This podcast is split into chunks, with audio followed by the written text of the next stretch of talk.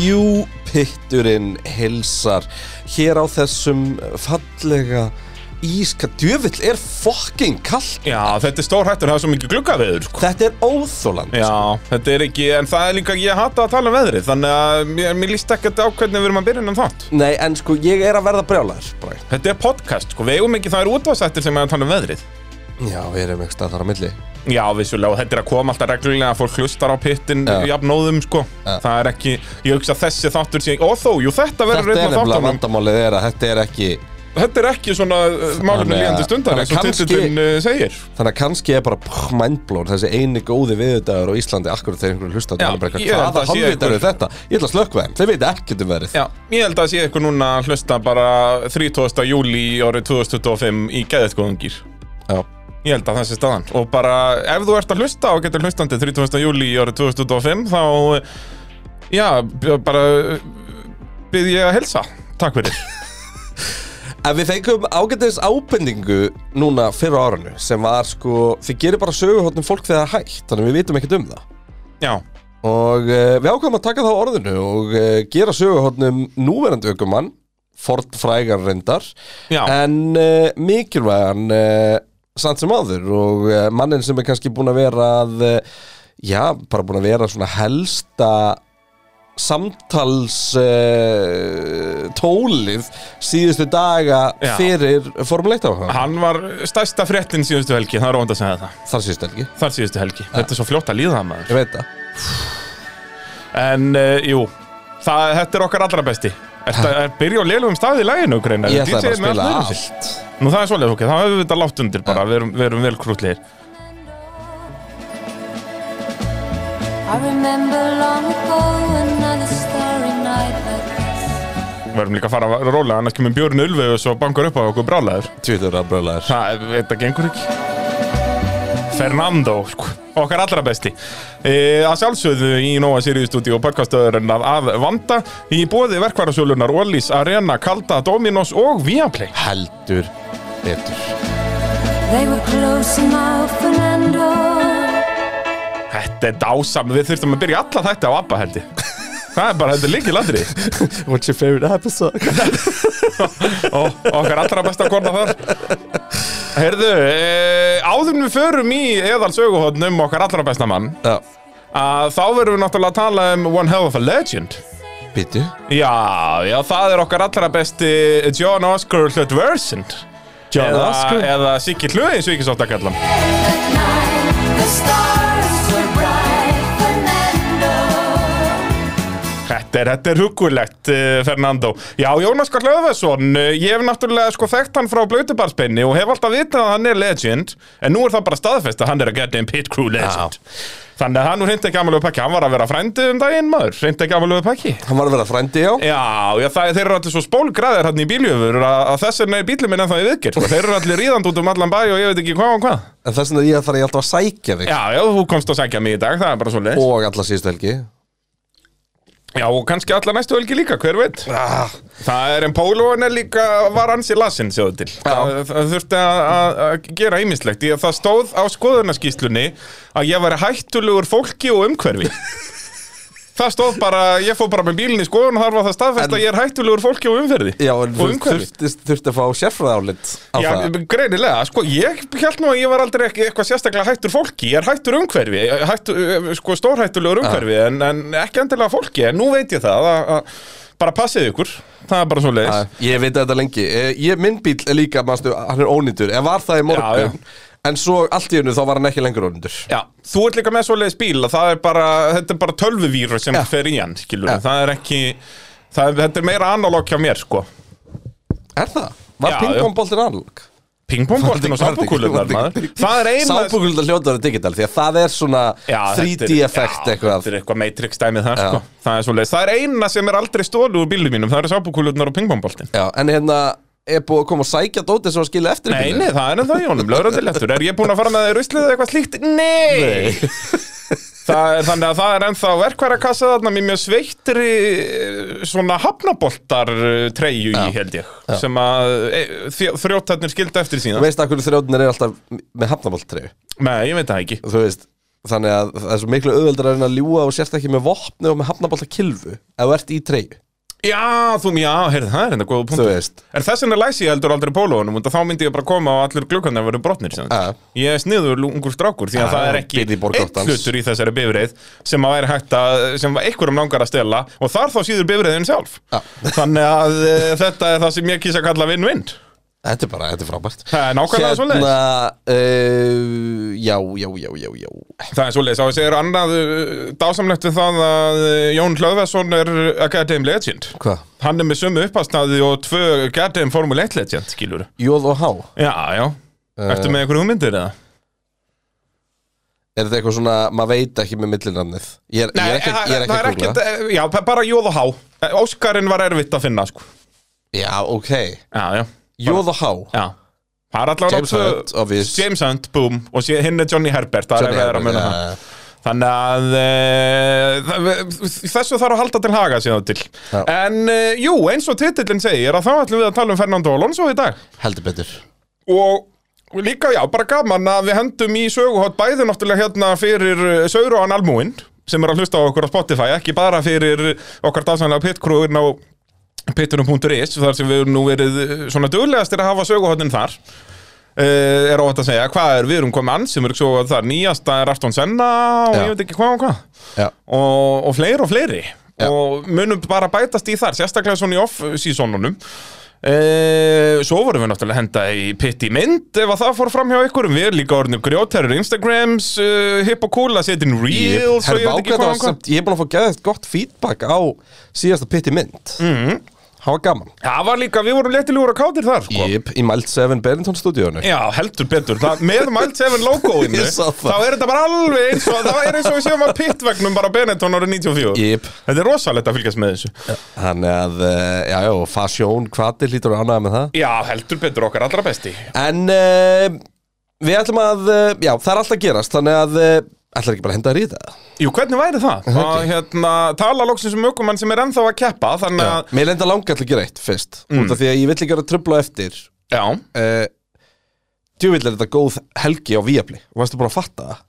Heyrðu, já, býtu það er náttúrulega Gunni Það er bara líka. Gunni Nelson beint á eftir Tímatökum. Út í af tímatökun eru bara búin á klán 6 Já, í Saudi Og hann er að keppa í Breitlandi Já. Þannig að það er að byrja bara er bara, menn er að fara fyrir upp í televisjónu bara klán hálf 5 Og sagan segir, svo við hittum aftur í veðrið Að það verði pluss ein gráða allavega um helgina. Þannig að það verði grilla út um allan fokkin bæ. Það er bara um leið og tímatöku búnar skvettla sér út á grillið fyrir yep. Nelson. Jep, það verður ekki ekki stemmingi að reyna líka. Það, heyrðu, ég, við kannum þurft að kíkja þanga Bara beint eftir tímatökur og horfa hann og horfa á Gunna, heyrðu það samt ándjóks Ég satt á ógíslega erfitt. Eftir að ég var, þú veist, út í Jógunni þekkjust ákveðlega Já, hann er náttúrulega video game boy Ég á miklu erfiðar með að horfa á hann slást eftir það. Já. Það er ömulegt að horfa á eitthvað sem þú þekkir vera lamin Já, það er ekki töff, sko. Nei, og þegar þú veist, hvað er búið að kenna okkur? Þú lætur ekki bara eitthvað lemja vin þinn Nei, nei En þú ert er bara að sitja á Íslandi og getur ekkert gert. Já, þú veist, og ég örugglega ekkert gert heldur Þótt ég væri þarna. Nei, nei. Ég, Þá er ég bara líka lamin Já, það er og bara eins og harfiskur, sko. Það er bara, þú verður bara drepin sennilega, sko. Já, bara yfirlega þetta líka. Já, það er svolítið svo leið, sko. En nei, nei, við erum mjúkir. Það- það- Þetta mikið höggin vel á okkur, sko. við notum orðin, bræði Ef við notum orðin, já. Ekki lemja bara. En, uh, En ef við að tala þá um uh, þennan hér I'm the bad guy. Duh. Þetta lag var svo vel við, sko. Já, svona sérstaklega líka- fyrir hann- fólk sem hefur séð nýjasta Drive to Survive hann er bara að vera bad hann guy. elskar að vera the bad Ja. guy. Eins og við erum að fara að koma að staðið þessum þætti. Jip Hann fór úr Hann fór úr Þú veist, þessum. Nei, fyrir Hvað er DJ-in að gera Fór úr núna? þessum. Já, já. Þetta er Minardi Þetta er Alonso. Minardi Alonso, sko. Og svo erum við bara komin beinustu leið Yfir í uh, Alonso. That you don't own. Það er bara nákvæmlega staðan.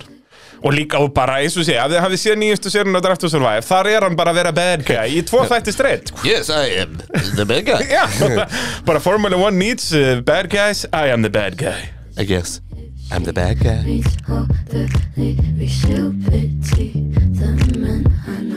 So you're a tough guy, like you really rough. Þetta er rosalega hugulegt hjá DJ Kreinarnum að þessu sinni maður, rosalega hugulegt að með alltaf reyni Herðu, en uh, þá skulum við byrja á þessu. Fernando Alonso Díaz fættist 29. júli árið 1981 í Oviedo sem er í norðurhluta Spánar. Fjölskylda hans var af millistjætt, pappin vann í kólanámum Nei, ég veit ekki kólanámum, hann vann í einhverjum námum. Hvað er verið hann, uh, hérna námu gröftur á spáni? Já, hvað er verið að vinna með það? frábær spurningur, lappilsínur eða eitthvað? Með alltaf sé ekki bara möl, þú veist, bara eins og Ísland bara, Já, Þetta sé ég bara, bara- basic malargröftur eða þessu, já. Ég meina það, jú, þú verður náttúrulega að ná eitthvað þéttara heldur en sand og, og, og drullu svona sem er náttúrulega Ætli, ég, ég hef bara ekki hugmyndu það En hann var Bara, svona explosion expert What basically. mining is the, já, vá, ég veit, sprengja möl. Já, það þarf að sprengja öllum þessum What námum mining is done in Spain? Já, North of Spain, þetta er stort land. Copper, tungsten, fluorspar, magnesit og bentonite uh, er sem Það sagt er- mjög important producer. Það var samlegt uh, En hann var svona, þess að ekki, hann er ekki verkfræða mentaður En svoleiðis, hann var svona Mining- góður í að sprengja hluti. Já, basically. Það hljómar alveg eins og Fernando sé það líka. Ég segi, það er svona sérstaklega á hann, honda árunum hann er ekki mentaður í því en hann er, hann er Hann var góður í því. ólisegur í því þarna svona 2016-17 var hann, voru að springa vel hondamótuna Já, og, og öll sambönd við alla í liðum og, Já, ég segi það, bara hann lið er, almennt. hann er explosive human being. Yes. Alveg svo fæðið sinn. Þetta, hann, hann er, pappas líður var stoltur. Já, og síðan er greinilega sko minna af svona mömmugenunum, sko mamman var bara á kassa í, í búð, sko, þannig að hún var svona rólegri típan í þessu öllu saman, þannig að það er ekki mikið af því í, í Fernando. Það er ótt að segja það. Já, Hann á ekki þessa rólegur hliða, það er erfitt að finna hann allavega. ég veitum ekkert hvort hann var róleg á kassanum Nei, kannski, já, það er þetta rétt, hún getur að vera stöppu gett Það er, þetta er mjög góða pundur hún, Ég mér lókar að bara fara í þessa búð sem hún Ah, vinnur í Það var ný, ég gerir á fyrir hún sé hægt í dag. Uh, Hann á eina eldri systur sem vinnur sem læknir í dag. Uh, En pappa hans, uh, Jose Luis Alonso var líka gókartökumæður Hann var svona bara amatjör Kartinga í, já. bara í ára tvíi, skilur, þetta var bara svona aðal hobbyið hann, skilur, og, og hann vildi fá eitthvað svona til að deila hobbyinu með sér, eða sérst að reyna að deila þið með krökkunum, þannig að þegar að sérst eldri sýstir Fernando er orðin hann eitthvað 6-7 ára, smíðar hann svona lítinn go-kart fyrir hann, Ok. eða kaupir grind og smíðar utan á hann og Eh, eitthvað, og, spreytir og uh, hún hafði engan áhuga á þessu. Bara glemdu þessu, hún er bara ætlaði að vera girly girl og gengur ekkert að vera að kera einhverja bíla. Þá er Fernando bara 30 ára og þá voru góður á dýr Þannig að pappin bara græjar pedalina eins til og lætur Alonso bara kera bílinn. 30 ára. Þetta er geggjaði bíl, ég sá mynda á honum Hann er með, veist, þetta er go-kart með svona plast yfirbyggingu eða svona fake framvængur og er svona Yeah. airbox fyrir aftan hann og svona og er í Malboro litunum Út af þetta er náttúrulega bara Sem er bara 80 og 5 augljóslega það sem þú gerir fyrir barnið þitt. Já, þú veist, þarna var McLaren the shit, sko, þannig að uh, þetta var grótörð karta Þetta er svona og, þetta er svona að setja samíkja Þetta er svona álíka gálit og barnið í dag var með oxycontin limmiða bara á sér. Já, þetta er svona svipustemming, hérna bara, hérna, Purdue Pharma bara aðal sponsinn, Já, já. uh, helvíti góðin að því. Uh, en þú getur síðan myndað þessum bíl og það fer bara inn á Wikipedia síðu Fernando Alonso hann er hann að hæra megin, þetta er hipp og cool sko en það var, ég nánast engin peningur til á heimilinu eins og segja, þetta er bara millist þetta fjölskylda sem er bara, þú veist, ég myndi aldrei segja að það hafi verið fátæk, en, en þú veist, go-kart er dýrt hobby að eiga skilur þannig að það var alltaf, þetta er grótar Kreinar var að finna mynda á hann Hann er geggjaður. Ég veit það, samt svona pingu lítill go-kart Ég sko. elska líka hérna pedalna Já, já, það þurfti að færa þá vel framar og, og. Vel framar? Það er heill júkis og lótlaðn á myndi sko. En það var, þú veist, þegar uh, Fernando var 30 ára var hann jafn stóru Júkis og Lóta, þannig að það þurfti að, græja bílinn uh, fyrir það. Þetta er geðvikt Heldur betur. Uh, En eins og ég segi, lítill peningur til hann Þannig að, þú veist, eins og ef það ringdi Að þá þau átti ekkert efni á regdekkjum með slikkunum. Þú veist, þú gáttu keift kannski tvö sett af slikkum yfir heilt tímabil eða eitthvað að, Þannig að þegar það ringdi, þá segðu bara, heyrðu, Fernando, bara passa það aðeins En þú voru bara að kera á slikkunum Þannig að þess vegna lærði hann bara Spáni sko. Já, en það regnir alveg á Spáni, en kannski ekkit mjög oft. En þannig Alonso lærði bara þryggjára að kera á slikkum í, í rigningu sem er uh, grjótart Og síðan þú veist, þegar hann fór að vaksa þá, þá átti ekkert efni á að kaupa alltaf nýja og nýjan galla á hann Þannig að mammans bara sem sagt, skar gallan allan í sundur og stækkaði hann bara. Velgert Bara saumaði þetta allt bara þannig að hann var í sama gallanum bara frá þryggjára til átt ára eða eitthvað Ok, skilur ok. Þannig að það var unni með það sem við höfðu, það er rót að segja það. Uh, þegar hann var fimm ára þá fekk hann undan þá frá svona lokal go-kart klubnum þarna í bænum um að mega keppa og vann sína fyrstu keppni sjö ára. Ok og 1988 og 89 Veistu, var það á móti krökkum? eða? Já, þá var það á móti krökkum eða svona, já, í, í junior einhverju, bara lokal dæmi. En síðan sem sagt eh, 88 og 89 þá vinnur hann sem sagt junior Asturias Galacia titilinn. Asturias Galacia, það eru tvö fylkið þarna. Þannig að þetta er svona nánast allt norður spátt þarna. Þetta er alveg stórt place hérna, alveg stór hluti spánans uh, og hann vinnur, uh, já, junior titlan hann 88 og 89 eins og við segjum, Malboro stert þarna, þarna er bara Prost og Senna að- toppa í, í Formule 1 Ok. Uh, Genis Marko sem að flutti inn kvörtur fór snemma að fylgjast með Alonso. Og já þarna í kringum 88-89 þá bara borgaði þessi Genis eða Genis eða hvernig sem það segir það úr eigin vasa og græjaði sponsa fyrir Fernando svo hann gæti verið að keppa í Evrópu. Þannig að Alonso var snemma komið með uh, já bara fans.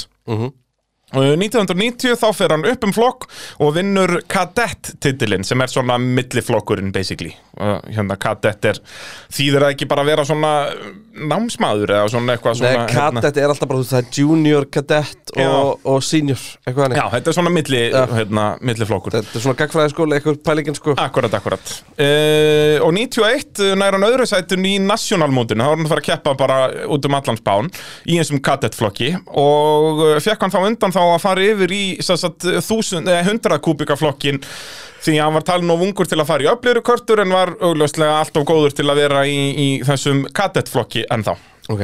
Uh, Mike Wilson sem var þá sexfaldur heimsmeistar í go-kart tók uh, Alonso undir sinn væng og þjálfaði hann bara upp. Uh, sest, Wilson þekkti aðeins hennan uh, Guinness Marko og uh, Marko sannfærin um að að þjálfa hann upp því að þarna væri eitthvað, eitthvað special talent á, ferðinni. Og fyrir vikið í svona gegnum Wilson fær hann samning hjá Italian American Motor Engineering sem er bara vörk skókartlið hefur þú ekkert um hræft um þá? Er þetta ekki, ég held að þetta sé eld gamalt sko, þetta var stopna um bara in the 60s og En Ítali voru mjög mikið með uh, þetta. Já, að, hérna, Jú, já, jú, jú, jú, jú, Hérna, þeir búa til sest, Já, ok. Gera er ekki grindur Jú, aðalega og vélar. og vélar. Þetta, þetta Italian American Motor Engineering er einu reglíf fyrir Parilla, Comet og Sirio.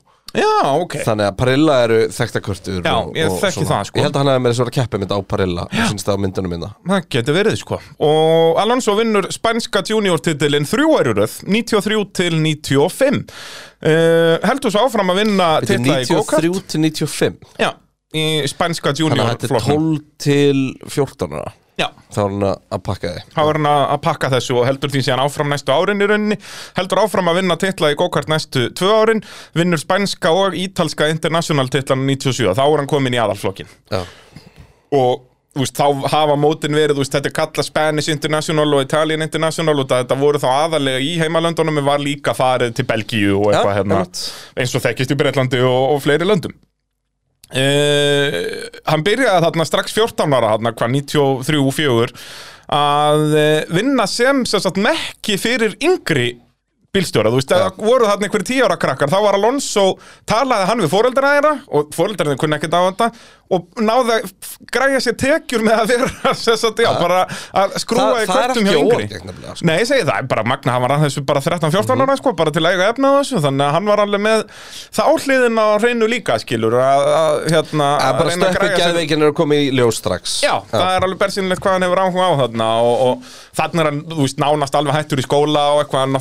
hann hann, hann að klára þarna eitthvað tíundabekk og eitthvað svona dót en, en veist, hann var aldrei skóli var aldrei fyrir hann og hann hafði engan áhuga á að vera dandalast eitthvað þar. En hann var samt talinn góður námsmaður uh, tölu svona bekkjafélagarum eins og Eh, ég hef alltaf sagt, það er engin heimskur að kera Formule 1 bíl, sko. Já, ja, svona allavega ekki sem hann er árangri í, í, í já, það það er alveg uh, nokkrir, kannski ekki alveg upp í Formule 1 en í já, getur alveg komist upp með að vera heimskur. Já, þú veist, ef ykkur borgar bara. Ég segi það, það er svolítið svo leis uh, Þetta er að sjálfsögðu allt saman í þægilegu samstarfi við Kalda, við mögum nú ekki gleyma því að uh, bjórböðun og skemmtilegheitin að uh, alveg dásamleg svona sérstaklega við vetratíman maður að vera í norðurljósunum og sæluna þannig fyrir norðan maður Já, við verðum að fara að negla dagsning. Já, við þurfum að fara í- norður sko. ég, ég ætla að eiga romantíksa stund með þér Já. í pottinum Já. undir norðljósunum. Það er líkiladri Er ekki alltaf norðurljós? Og kvalirnir er fyrir utan alltaf Já, segi, líka. þetta er bara, þetta er himnaríkja á jörðu eh, þú veist, þetta- og þetta verið og betra, veitingastæðurinn sko. djöfull eitthvað burgerinn sem þeim kom að geða ykkur. Já, Það er rosalegt að fylgjast með þessu. Uh, En þá erum við komin til ásins 1999 uh, Þá er Fernando orðin 17 ára gamall og byrjaði þá að keppa á bílum. Keppir í Euro Open by Nissan. Er það ekki eitthvað svona formúlu 3-ish? Jú, þetta er svona þannig stemming Það er Eh, airbox á bílum Ég er að skoða mynd af bílum hans hérna. Já, þetta er bara svona Djöfull Þetta er ljótur eða ekki? Nei, þetta er, jú, jú, alltaf sé ekki þetta sé Lola grind sem hann var er, á. ég ætla að giska á þetta sé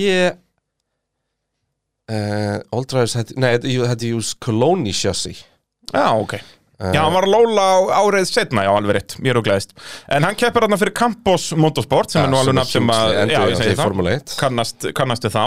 Hispania var Campos Já, það er svoleiðis, já, ok, og ég kannast bara við þetta nafn úr minni formúlunum Djúvill, pakka hann þessu Já, svona þannig Já, fyrir utan hvað þetta er mikið úr leik sko, en hann vinnur eiginlega allar aðra kemnir Já, já, hann vinnur titilslægin gegn linsfélaganum Antonio Garcia í bara loka keppnina hann tryggir titilin bara í loka keppninu vinnur í rauninu bara 6 keppnir af 15 en eins og segi, þegar hann er að klára þá er hann ofalega Já. en það er svo sem engin stór nöfn í þessari seríu þú veist, það er hérna Thomas uh, Schechter uh, sem er vantarlega sonur Jóti Já, kefti í tveimur kefnum Já, þú veist, annars þekkti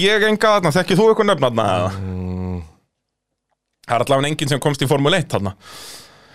Eh, Nei ef við tölum aðeins um svona stemmingun á spániða, nú þetta er mjög steikt. Eh, Hann var Hvað náttúrulega er- ekki formúlu menningarna á þessum tíma jú, það er nefnilega hellingsformúlu menning þrátt fyrir að spánveri ráttu engan Formule 1 tökum hann ennum við, þú veist, engin spánveri hefði unnið Formule 1 keppni f- fram að þessum punti. Já Þú veist, og það, hefur bara átt eitthvað, þú veist, kannski 15 ökum eitthvað, þú Og það var alls svona Petur de la Rosa einhvern Ég segi það, Petro de la Rosa var mitt þarna nýbyrjar að keppa, skiluru Ekki og, Mark Jean líka spænskur? Jú, gott ef ekki. Og eitthvað er svona eins og segi, það hafði engin spann verið unnið keppni En samt voru þeir alltaf halda keppnir Þú veist, þeir halda fyrsta kapaksnur 1913 Og bara fyrstu Formule 1 keppnina 1951 Og bara, þú veist, það er alltaf svaka presens En einhvern veginn engin spannveri hafði náð árangri Þó að það var alveg, þú veist, eins og þessari minni formúlur Það var keftan í öllum minni formúlum og, og, þú veist, eins og í þessari Euro Open by Nissan Það voru fullt af spannverum í því og, og veist, þannig að þetta er mjög spes hvernig Spannur höfðu einhvern veginn aldrei náð árangri Nei, fyrir en bara Fernando Alonso kom og kveitti svolítið í þessu sko. Já, og Sprengdi ég meina, er þetta ekki, er ekki Carlos Sainz bara eini an- annars báminu sem er unni keppni? Jú, þeir eru bara tveir. Það er, þú veist, síðan er þetta bara einhver heimi Algu Svari og, og Pedro de la Rosa og einhver hérna núna nýverið. E, Árið 2000 að þá fer hann upp um formúli í rauninni fyrir International Formula 3000 og keppir með tími Astro Mega Já, sem formúla 3000 það sem við þekkjum sem formúli 2 í dag. Já, Og ég vil er kommenta eitt Ég er að skoða mynd af bílnum hans hérna. Mhm. Hann er ógeðslega cool. Geggja, er hann ekki svona gulur Jú, líka bara út, veist, bara þessi grind Þetta Já. er bara svona Benetton 94 feelingur. Þetta er Lola með Já. þetta er Lola, það er formúli 3 spilin sko. Akkurat, akkurat. Ógeðslega nettur. Já, algjörlega, og hann er að keppa þarna með, já, Astro Mega sem er sem sagt mínart í juniorliðið basically, þú veist, öll liðin í dag eru, þú veist, Williams eru með sitt lið þarna og, og, og McLaren og Red Bull og Ferrari og eitthvað og þarna var Minardi með, með sitt lið. Uh, endar í fjórðasæti overall uh, nær öðru sæti á, í Ungarlandi sem að, já, Ungarlandi er sannlega svo braut sem við um oftast eftir að nefna í þessu söguðan, eitthvað sem ég pældi ekkert í fyrir en ég fór bara að skrifa þetta. Okay. hann er alltaf geggjaður í Ungarlandi eins og segja, eitthvað svona sem að maður hefur ekkert andilega tekið eftir. Já. Hérna eru nú komið svolítið mikið af nöfnum sem var að keppa móti hann töð Já, hann er sko af þeim nöfnum sem að ég svona uh, pikkað út er Stefan Sarasan, Justin Wilson, Sebastian Bourdais, Mark Webber og Christian Albers. Já, og það eru fleiri hérna, þú veist, Thomas Schechter hérna, en þá Frank Montagoni uh, Enrique Bernoldi þetta er allt stórin upp sko. Uh, Christian Albers Já, ég sagði hann. Eða sagði hann, ok. Af, af þeim sem komist í Formule 1 held ég þessi bara þessi sem ég sagði það ekki Sarasan, Wilson, Bourdais, Webber og Albers. Og er ykkur fleiri sem komist í Formule 1 Og Justin Wilson komst nú bara næstum því í Formule 1 Kerði Montagoni ekki fyrir Supra Guri? Gæti verið. Hann gerði það, já. Uh, en síðan já, á leiðinni sinni þarna í fjórðasættinni í þessari mótoru þá vinnur hann líka á spa hann, Fernando Alonso. Jú, Bernoldi Hann það var hjá Arros Já, þetta eru svona nokkur, nokkur minni nörfnanda Stærsta nafnið að nánefa eftir á er Mark Webber Já, og Fernando fucking Alonso Já, uh, eins og segi, hann vinnur hann eina keppni, uh, er annar í, í Ungverjalandi og endar fjórði. Uh, en hann uh, sem sagt, fær líka test hjá uh, Minardi þarna sem sagt, árun og undan, haustið 99, fyrir að vinna hérna, Nissan mótaröðina þarna. Já, og fyrir það sem ekki vita þá er Minardi það var svona grínliðið í Formule 1 Já, þetta er sem sagt Alfa Tauri í dag, já. en þarna var þetta, þeir voru bara alltaf síðast. Minardi var til óksla lengi og þeir skoruðu svona fjögur stig. Já, þeir keftu andóks í svona 15 ára eða eitthvað. Hann hérna Stottart uh, gæinn sem átti þetta Var bara svona goodwill gæi. Það elskuði hann allir á grittinu Og hann bara harkaði og harkaði og harkaði í 15 ár Og þú veist, bílinn var alltaf baðaður í Út að hann var bara að fá 100.000 kall hér og 200.000 kall þar Bara til að geta keft keppnist í keppni. Og næra að keppa þannig eins og ég segi 15 ára eitthvað, hvað er mín erdi lengi? En er að Ég googla er, það? nefnilega- er að reyna að finna síðuna hefum Þeir voru, þú veist, þeir byrjinn í 80 sko. Þannig að þeir hljóta að vera rúm 15 held ég. Minardi hérna uh, Activis 85 Til Til hvað, 2000 og... 2005, 20 ár. Já, 20 ár. Og eins og segja, á þessum tíma skoruður kannski 10 stig Nei, eða þú eitthvað. veist 38 stygg Já, á 20 árum. Og hérna og náttúrulega megnið að því kom hann í bandaríkjakeppni því að þá eru þeir á Já, breytstofn það er rétt, já, þá skoraður alveg, eru þeir í fjórða og fynda sko. En þú veist að það er fullt af aukumunum farið hann í gegn. Alonso er stærsta nafni En þú veist Trulli, Fisichella, Justin Wilson uh, Hoss Verstappen, Mark Webber Michelle Alboretto, Christian Fittipaldi Luca Badoer Luka Badóer okkar allar best Hann og... kefti með þeim alveg í 5-6 ár sko. Já, og Badoer var ekki svona lélur Hann var bara búinn þegar hann kom aftur sko. hann Já, var hann 50. rúmlega 40 ára, skilur og hafði ekki kert í Já, en þú veist, það er annað ef þú ert Fernando Fókin Alonso. En Minardi var svona lið sem á tímabili leit út fyrir að vera uppleið En svo hvar það svolítið hratt. Já, svona kringum 90s, þú veist, þetta var bara pjúra ítalslið og bara svona, gatt alveg orðið eitthvað, en, en já, hættu því skemmtilega og eins og þannig kringum aldamóndin, er, þetta var bara svona grínliðið í rauninni.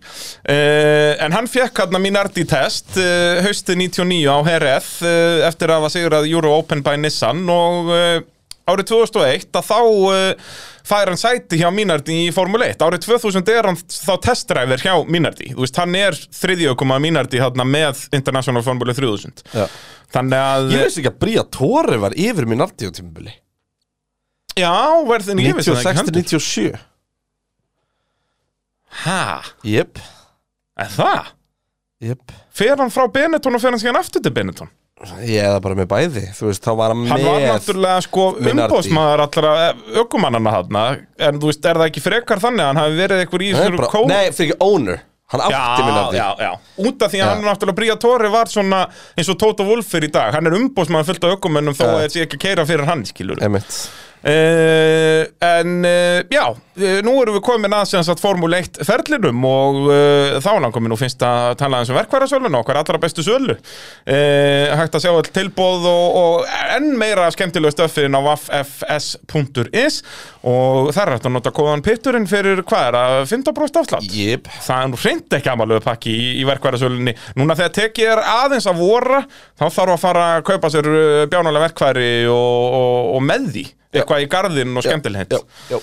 Eh, 2001, þá er Fernando Alonso 19 ára og keppir í eh, Formule 1 eh, geggjað viðtal sem ég sá við Paul Stoddart sem var stjóri minn erti þarna þegar hann talar um úst, hvernig var að fá Alonso hann inn í liðið? Því að þarna vorið 2001 eða veturinn 2001 þá er hann Alonso bara sefur nokkra nætur í verksmiðinni bara til að hjálpa liðun að smíða bílum bara þannig að bílum væri reddi Já. Það er stört Það er þetta viðtal sem að tekið við Stottart þegar hann verður heimsmyndstari uh, Ég veit ekki hvernig er þetta tekið Er þetta þetta hér? Well, there were few men happier. Yeah, to no, see, held uh, you- Fernando yeah, no. Alonso take the That's okay, championship the and Paul Stoddart- Stoddart. It meant a lot to you, didn't it? It did, Lou, and I think, you know, Minardi's first ever world champion. Couldn't happen to a nicer guy. He's going to be a great ambassador for the championship. At what point in his Minardi career did you think this guy's going to be something special? Um, I think all the way through, he was he always had that sort of potential. But I think this race, actually, in Suzuka, the last race he did for us in 01, where he did 53 laps, pure qualifying, and that just showed he was putting his mark down for what he was going to do in the future. Thanks, Paul. Jaha, Nei, þetta var ekki þetta Mér bara, við sá bara Pól Stottart að tala um Fernando Alonso. Já, þetta er sniðt rock solid dæmi. Uh, en já, hann talar um þetta þarna. Alonso var bara eins og bara einn af mekkunum í liðinu bara að uh, græja bílinn, keppni eftir keppni. Já, eða keppni eftir keppni, semst fyrir fyrstu keppni og þeir náðu mér þessu einum testingdegi og allt bara út af þessu, að Alonso var þarna ef hann vel ekki sjálfur að skrúa bílinn saman að þá var hann að pússa öllum áfram að uh, smíða bílinn. Bæði, samt bara nýju hverjum sko. Já, ég segi það, bara einhver gæði, var einhver testdræver bara var búin að keppi for, formúlu 3000 eitthvað bara mm, magna dæ, dæmi. E, Á þessum tíma er hann þriðji yngstu ökumæðurinn til að keppa í formúlu 1 Ok, En síðan þá hafa Jamie Algusvar í Landon Norris, Lance Stroll og Max Verstappen toppað hann líka. Já, hann náttúrulega átti nokkuð svona yngstu með Já, ég held bara öll, Já. bara yngsti að yngsti á velunapalli, yngsti, eh, yngsti ráspól, yngsti heimsumstari, yngsti tvöfald heimsumstari, bara allt sko. Uh, og síðan já, Fettel tekur mjög mikið af þessu og svo takaði líka Max Verstappen og, og Charles Leclerc og fleiri taka mikið af þessum metum uh, en mín erdi bíli náttúrulega er ekkert samkefnisæfur hann þannig að hann er bara á botninum alltaf. Besti árangurinn í tíundasæti en skorur engin stig. Þetta er nefnilega pínu skeri pæling þegar við pælum aðeins í sko þessu sem við þetta tala um hérna með, með aldurinn. Já, það er ekki plássur mikla endurnýjun næsta árum sko. nei, nei. Þú veist, þú ert með Piastri sem við gerum ráð fyrir að vera stór. Mhm. þú ert með Norris, þú ert með Verstappen þú ert með Leclerc, þú veist, Sainz er raun gamall og hann er samt bara 20 og hann ekki 28-9 já, 28 ára eða eitthvað sko. Þú veist, þannig að ég er að segja sko Já, en ég meina Sainz er líka búin að vera síðan 2015 í formúlinu, þú veist, Já. hann byrjar á sama tíma á Verstappen. En hann er ekkert að fara. Nei, nei. enginn af þessum er að fara, skilur þú veist, þetta er bara sko Hamilton og Alonso Bottas og Peres Já En bo er Bottas, er hann ekki bara Bottas er 32? hann er, hann er ekki stóra bill okkar held ég, jú já. Ég held það, hann sé Þú veist, þetta, þetta er crazy, sko Já, já. ef þú pælir í hvað endurnýjunni var mikil að ná tímabili Já, þetta kemur alltaf í svona bylgjum, skilur Þú veist, Ja. eins og bara pælt í því þegar að Russell Norris Leclerc, þú veist, svo kynnslóð er að hætta, hætta, já að þá verðum við allt í að fá 6 eða 7 nýja aukumenn inn, Einmitt. skilur og það er alltaf mjög spennandi þegar að það gerist í formúlinu að það koma mikið að nýjan inn því að þá er alltaf garanterað eitthvað að þeim verður geggjaður Já, og síðan er þetta alltaf vesen, þú veist, eins og Piastri er að koma inn á leiðilegum tíma í formúlinni þess vegna fær hann ekki sætið strax, Ja. skiluru þó hann hafi verið svo 100% Magnaður. til að, þú veist, átt að fá það algjörlega, algjörlega En ok, Uh, en já, þannig að 2001 uh, klárar Alonso uh, bara stiga laus með Minardi. Uh, Flavio Briatore er umbásmaður hans aðna eins og svo margar aðra ungu aukumanna á þessum tíma. Og Briatore segir hann bara, heyrðu, kottu til mín í Runno þarna er þess að Benetton að verða að Runno fyrir 2002 sísonið og þú veist, ég hef ekki sætti fyrir því núna. Við vorum að hérna, sæna Jenson Button og svona þannig að við höfum ekki alveg sætti fyrir þig eh, núna. Verður töstukomaður hjá okkur í eitt ár og svo getur lofað þér að þú fáið sætti bara, ég mun bara sjá til þess. Og Alonso stekkur á það þannig að hann keppir ekki í formúlinu hann 2002 uh, og er þróunarökumar, er bara að hjálpa Fysikella og Button að þróa bílinn hann þarna náttúrulega, þetta er á þeim tíma sem það má prófa miklu meira enn í dag þannig að þróunarökumar gerði actually eitthvað annað en að vera bara í herminum og, og vera til taks þannig að Alonso er á fullu í þessu og þarna kemst Briatore að því sem að Paul Stoddart sagði allan tíman að þetta er valuable gæi að hafa í þróunavinnunni Já. og hann er, það byrja strax hann þó hann sé tvítugur sko. hann er bara mjög segur í þessu að setja bíla og, og, og að hjálpa liðinu, þú veist, hann talar sama tungumál og allir mekkarnir. Já, sem er bara priceless fyrir Formule 1 ökumenn að vera. Það er alveg fullt af ökuminnum í dag sem eru ekki góðir í þessu, þú veist, Daniel Ricardo kannski stærsta nafni þar sem að þú veist, vantar þetta, þú veist, Kimi Rækonen var alltaf geggjaður í þessu og, og fleiri og fleiri. Og þarna kemur upp þetta að Alonso var alltaf sjálfur að skrúa í gókartbílum sínum, þú veist, þannig að hann þú veist, það hjálpa honum svo mikið sem yngri ökumenn að geta sjálfur verið að skrúa fram og tilbaka þannig að heyrðu, neða, þetta er ekki rétt og þá bara græði ég það sjálfur í staðin þurfa þurfa alltaf að tala við eitthvað og, og reyna að kommuniketa já þú veist, það þú skrúur ekkert sjálfur í dag Þetta virkar ekki þannig, en, Nei, en ég nei. fatt sem kom meina Þú veist, þá getur þú bara hafa skilna skilning. Akkurat. Uh, Og þá er komið árinu 2003 Þá er hann uh, 21 ás Og uh, Komin í raun og já, þá er náttúrulega Bría Tóri sem komin í smá bast Sko, af því að Bötton var geggjar Fysikella er uh, með kontrakt bara sem sagt uh, Hann fyrir ekki neitt. En Bötton var geggjar 2002 Þannig að Bría Tóri verður bara að láta hann fara Því hann er búinn að lofa Alonso, annars fer Alonso. Og Já. hann reytaði Alonso hærra heldur um Bötton Þráttur að Bötton var alveg búinn að sanna sig. Sennilega rétt kval Já, þú veist, það er náttúrulega átti bara að sparka sennilega. fyrst í kella, skilur Aha. Þú veist, þetta er svona pínu eins og alpín núna, skilur að þeir voru alltaf fastir með okkon þannig að allt fór í abaskitt, skilur í staðin fyrir að vera bara með Piastri og Alonso sem væri sturlað. Þannig að uh, Alonso er frægur fyrir þetta að vera, hann býr til vesen út af hann er svo góður. Jep. það er bara svo leiðis og uh, þetta endar þá að vera þannig að Button fer til, er það ekki, fer hann ekki til Williams á þessum tíma? Minni það, já var hann búinn að vera í Williams hann Fór hann ekki til Honda hann Jú, þetta er 2000, jú, gott ef ekki, hann fer bara til bar Það ekki? Það er rétt, hann er búinn að vera Williams.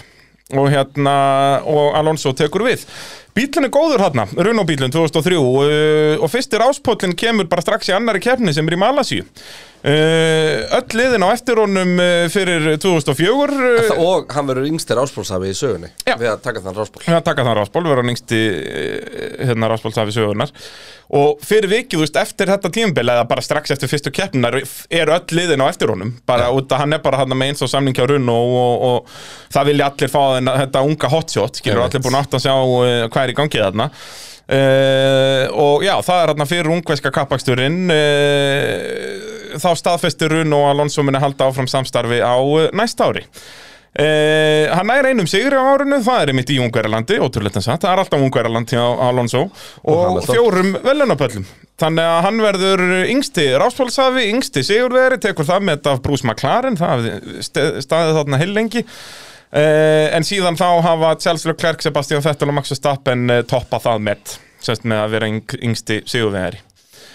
Uh, Já, heyrðu, þetta er styrlu staðarind. Fyrsti velunapallur hjá honum var hann í Malasíu 2003, síðasti velunapallur, bara einn 2023, þannig að það eru 19 ára og 11 mánuður hann á milli, en það er samt ekki metið yfir mest milli fyrsta og síðasta velunapalls. En Alonso í trúðugjörnum hann muni slá það því að Michael Schumacher á það met. Það er Mexico 92 til Valencia 2012 uh, og það bara Alonso þarf að ná velunapalli, ég var að rekna þetta út hann þarf að ná velunapalli í Bretlandi eða eftir til að toppa þetta með Ok. þannig að basically bara setni hluta tíðanbils ef Alonso verður á palli þá að þá toppar hann þetta með Michael Schumacher. Áhugavert. Ég ætla að vera tilbúin með þetta í útsendingu að skella þessu fram. Eh, Þannig að já, styrlu staðarinn þarna. Það eru 20 ár milli velunapalla eins og staðan er núna hjá uh, Fernando Alonso.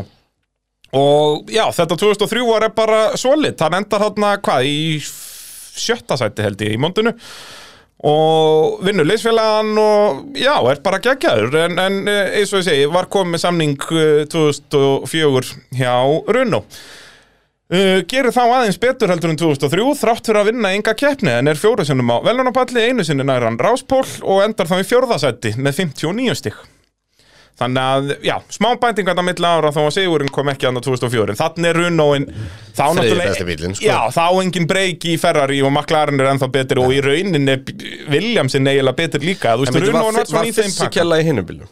Það Nei, er ekki trúli komin 2004 Jú, það hlýtur alveg að vera því að sko fyrst kjalla er svo miklu neðar. Uh, Jú, 2003 var hann með Toyota fyrst kjalla Já, um, Nei, öf, nei, var ekki trúli með Nei, trúli endar síðan með Toyota Nei, Fysikella var aldrei í Toyota. Var ekki Nei. Fysikella bara í Sauber þá eða Jordan eða einhverjum mannskotunum uh, 2003 Jordan. Já, er rétt. Uh, Nei, ég Já, er bara þannig að að þetta er skoða trúli já, Þetta er akkurat. já. en sko Alonso skora tvöföld stig með trúli já, já, já, bara pakkar honum uh, bæði þess ár. Uh, Hvetjum alla til að fara að betur. Þurfum nú alla að minna fólk að það Það er nú bara svoleiðis, næla sér í ólisleggilinn Og þá verður lífið betra. Það nú bara Skráði svoleiðis. hópin uh, Pitturinn Já. og uh, lífur er betra. Það er bara svo leiðis, lífið verður betra fyrir hlustendur pitsins. Uh, En þá er komið árið 2005 Sjónu Já. heldur betur stórt ár. Alonso orðin 23 ára gamall þá Uh, og þá er bara hörkuslagur Alonso vs. Kimi Rækonen um heimsveistaratitilin þarna náttúrulega koma, eru fíja komið nóg að þessu Ferrari rugli. Sjúmakar búin að vinna titilin 5 ári röð frá 2000 til 2004 þannig að uh, þeir ákveða að handikappa Bridgestone vel með að uh, búa til reglu þar sem að það er bannað að skipta um dekk. Dekkin verða endast alla kefnina og Bridgestone bara voru ekki vel undirbúin fyrir það. Þannig að öll mittsélinliðin uh, voru miklu, miklu hraðari, þú veist, og Ferrari hefði ekki unnið keppnina bara fyrir bandaríkin. Já, ótrúlega satt náttúrulega þá líka verður advantage Alonso tímbil í raun og veru ending Runósins. Það er ekki oft sem að Runo og ending eru blandað til sigurs Nei, það er svolítið svo leiðis En þarna var Runóun bara geggjaður Það er ekkit öðruvísi Og eh, Var það 2005 sem þið voru með spólurinn í startinu? eða? Já, ég held að það byrja í 2004 Þetta var alltaf bara bull. Já. Það skipti engum máli, ef þið bara kvalifæði í top 6 þá voru þið fyrstirinn fyrstu bygg Já, já bara, þú veist, eins og ég, í þessu researchi horfði ég á ungverska kappaksturinn 2003 að, nei, var það 2003, jú, hann ræsir á pól og vinnur og þá átti engin breyk í startinu, sko. Nei, þetta er bara rugg Hann er bara, hann er komin 100 metrum og undan fyrir Ég bremsukappan. man bara alltaf eftir þessu, þetta var bara Ljósin slökna, Runóðan eru konni fram úr fjórum bílum Já, hvor. bara ef þeir ræstu 5 og 7, þá vissur að þeir var að berast um fyrsta sendi í fyrstu bygg. Það var bara svo leiðis. Þetta var fáránlegt, Þetta var bara fáránlegt dæmi. Þeir voru alltaf skrefa undan í öllu svona tölvudóti þarna. Uh, Alonso nær hérna 2005 6 velunapöllum í 6 síðustu keppnunum og það er rauninni það sem að tryggir Alonso titilinn. Uh, og í rauninni af þeim keppnum sem hann klárar er hann bara tvinsvarsinum ekki á velunapalli Já. Þetta var sturla tíðanbíl hjá Spannverðanum og uh, þarna verður hann heimsmeistari og verður yngsti heimsmeistari sögunar á eftir Emerson Fittipaldi Þú getur orðið elsti sögunar í árið það ekki Nei, Nei, þeir voru hann í gamla daga, sko. Þá voru þeir allir fyndu hér sko. En svona modern allavega Já, þú veist, hann geti leikandi komist á topp 10 listan sko. Ja. Þannig að hann verður á topp 10 listan um uh, hérna á báðum endum, bara eins og Sebastian Löp í rallinu. Já, Hann er uh, hérna bæði yngsti og elsti í fullt á svona rekordum sko. Og hérna, djöð sem var mikil veistla að fá hann svo í titilslagi ármaður veit að það það er blötasti draumurinn. Það er blöytasti draumurinn. Uh, en já, hann verður hann yngsti meistari sögunar árið 2005 uh, árið 2006 uh, þá var hann ennþá með samning hjá Runo uh, og núna já, breytist aðal samkeppnin McLaren rinja svolítið niður og Ferrari kom aftur upp. Þannig að það er Michael Schumacher á móti Fernando Alonso. Uh, þarna er henni gerir Alonso öfugt, hann byrjar tímubili rosalega í staðan fyrir að enda það rosalega eins og 2005 sex sigrar og þrjú önnur sæti í fyrstu nýju keppnunum. Þannig að hann var annarkvort í fyrsta eða öðru sæti í fyrstu nýju keppnunum og sex af þeim skiptum var hann í fyrsta sæti. Og hvað svo átt á sjúmakkar í hinnu? Eh, ekki ef að- oft, sko. Nei, ok Að hérna, það, þú veist, bilið þarna eh, er 25 stig eftir Kanada Já. í, niður í Schumacher. En það var náttúrulega, ha- hann var, sérst, Alonso var fjórum stigum frá því að vera með fullt hús stiga eftir nýju keppnir, sem er náttúrulega bara fáraleg tilhugsun. Og nær þarna 15 velunapöllum í röð í rauninni frá Tyrklandi 2005 til Kanada 2006 og það eru bara Hamilton frá árunum 2014 Já, til nota 15 bene, þú ert og um tut- Schumacher til 2001 og 2002 sem hafa gert betur. En, en þessir 15 velunapallar í röð? Það er styrla En bara til að setja samingi með 25 stíð Þetta er náttúrulega 10 stíð fyrir sigur þannig Þetta er gamla stíð ekki reitt Þetta er uh, tveir og, tveir og, tvö og hálf keppni í rauninni Þetta er raun og verið eins og að vera með sko 60 60 stig stíð að fórskunddag sko. Já. Það er uh, það munar um það. Já. Uh, en þarna mitt tímabil að þá kom aftur fíja með puttan í þessu, þeir vilja ekki að neitt stingi af. Þannig að uh, þeir fara að skoðuna Runo og sjá að sest, hann er alltaf miklu stabíli heldur en allir hinni bílarnir. Og þetta sá best, sást best á vídjói frá Barcelona þegar að ég held að það hafi verið Alonso eða já, annarkvar Runoin fyrir út í malargrifju og það er kamera á nefun á honum bara eins og við þekkjum í dag, það eru oft kamerur hérna við framvangin og bara bílinn haggast ekki. Hann er ennþá bara alveg lefilaður við jörðuna bara þó hann sé að hoppast og skoppast í malargrifju og þá fara þeir að pæla býtu, þetta getur ekki verið eins og bara með svona mjúka Bara- fjöðrun bara veist. Gíró á, á myndaðinni já, veist, já, ég segi það, þetta var bara eins og hann væri á gimbal bara hérna myndavélin og þá fara þeir að skoða þetta og þá komast þeir að því að Runo er að vinna með eitthvað sem heitir Tuned Mass Damper sem er bara, þetta sama prinsip og þekkist í byggingum í dag, háhísum bara svona hérna jarðskjáltavörn basically, þú veist, ef þið skoða það er að skoða vídeo af þessu á YouTube eh, þessu Tuned Mass Damper sem er bara, já, til að halda byggingum uh, Hann er alveg stöðum alltaf alveg beint Hann er alltaf að fá rétt loftflæði Nákvæmlega, alveg sama uh, hvernig staðan er. Og þetta er barnað hann um mitt tímabil sem gefur Ferrari séns og Schumacher kemur þá líka heldur betur tilbaka og uh, þeir eru jafnir eftir Kína og þá eru bara tvær keppnir eftir Já, hann. og jafnir eftir Kína og Sjúmak er búin að vinna sko 5 af 7 Já, Þú veist. Eftir þarna Kanada, þá bara kikkar Schumacher velinn og getur þessi 25 stig upp og eins og ég segi, þeir eru jafnir með tvær keppnir eftir. E, Næst síðasta keppnin er Suzuka og það er Schumacher að leiða bara nokkuð öruglegar með einhverja 10-15 sekundir í fórskot þegar að Ferrari mótorinn springur. Og Alonso endar þá að vinna Alonso var hann í öðru seti og þá var titillin í rauninni komin Alonso þurfti bara eitt já. Jú, í rauninni bara vera eða sérst, jú, ef að Schumacher hafði unnið í Brasilíu hafði hann þurft Já. uh, út af þá, nei, og þó, ég held að hann hefði ekki einu sinni þurft þess út af, jú, annars hefði verið alveg jafnir Hann þurfti stig jú. þurfti stig og hérna og, en já Schumacher átti þarna möguleika að koma inn uh, tveimur stigum allavega á undan uh, til Brasilíu. En uh, það var ekki svo. Og þarna náttúrulega er Schumacher búin að gefa út að þetta verið hans síðasta ári í Formule 1 Já. og Schumacher hættir þarna eftir Brasilíu og Alonso vinnur sinn annan titil.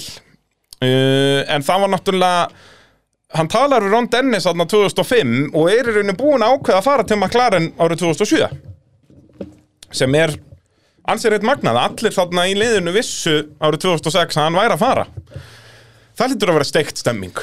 Já. Það bara getur ekki verið annað en stekta staðstefningin Já, og samt vinnaðir titil. En það, ég held að muni gerast á næsta árum. Ég held að verði Norris.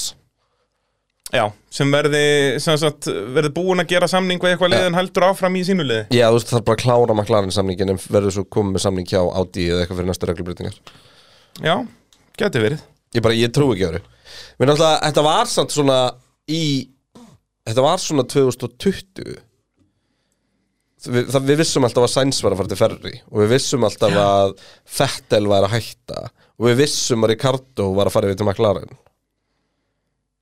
Já, en það var samt bara svona hálftímabil Þú veist, það er nú Samt yfirleitt ekkert svo langt, þetta var fyrir silly Já, það er enda rétt, þetta var fyrir ágúst. Því að þetta gerðist bara í COVID-stoppinu manstu. Alveg rétt, alveg rétt, jú. Ég man þegar við erum að byrja pittin En þá náttúrulega var enginn á skrifstofunni Þetta var ekkert mál, þeir Já. voru bara heima hjá sér í e-mailsamskipt Já, man, ég man eftir, í fyrsta pitstættinum Já. Þá erum við að tala um að þessar stóru fréttir að Fettel sé að fara frá Ferrari. Ekki í fyrsta fyrsta þættinum. Jú, það Nei, það er, það er Nei, það, er, já, Það keppni erum við að tala um þetta. Þetta gerist allt í COVID-pásun, það er rétt. Við byrjuðum í Austuríki þarna bara, hvað, í júli eða eitthvað, eða júni, júli, eitthvað svo leins Það er besta, besta sem við hefum gert er að byrja með podcast Já. fyrir formúlu sem var ekki og við þurftum að fylla Þrjá mánuði þrjá mánuði af engu. Já, það, þarna voru við nú samt ekki orðin svona, sko, með hennar metna sem við erum með í dag Nei, sko. Þarna pása. voru bara, voru eitt þáttur og tveimur vikum og eitthvað bara.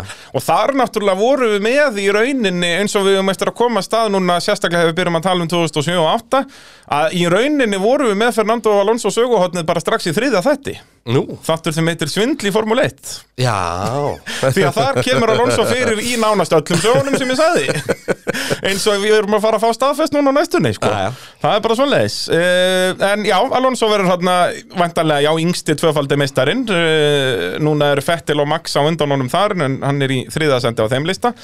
En uh, já, hann er búinn að gera samning hérna Til að fara yfir til McLaren árið 2007 Og 2007 tíðumbil er náttúrulega rosalegt. Við höfum oft talað um það að Þetta er náttúrulega Rækonen vinnur titilinn með 110 stig og Hamilton og Alonso eru jafnir í öðru sendum 109 Já. einu stíi á eftir, þú veist.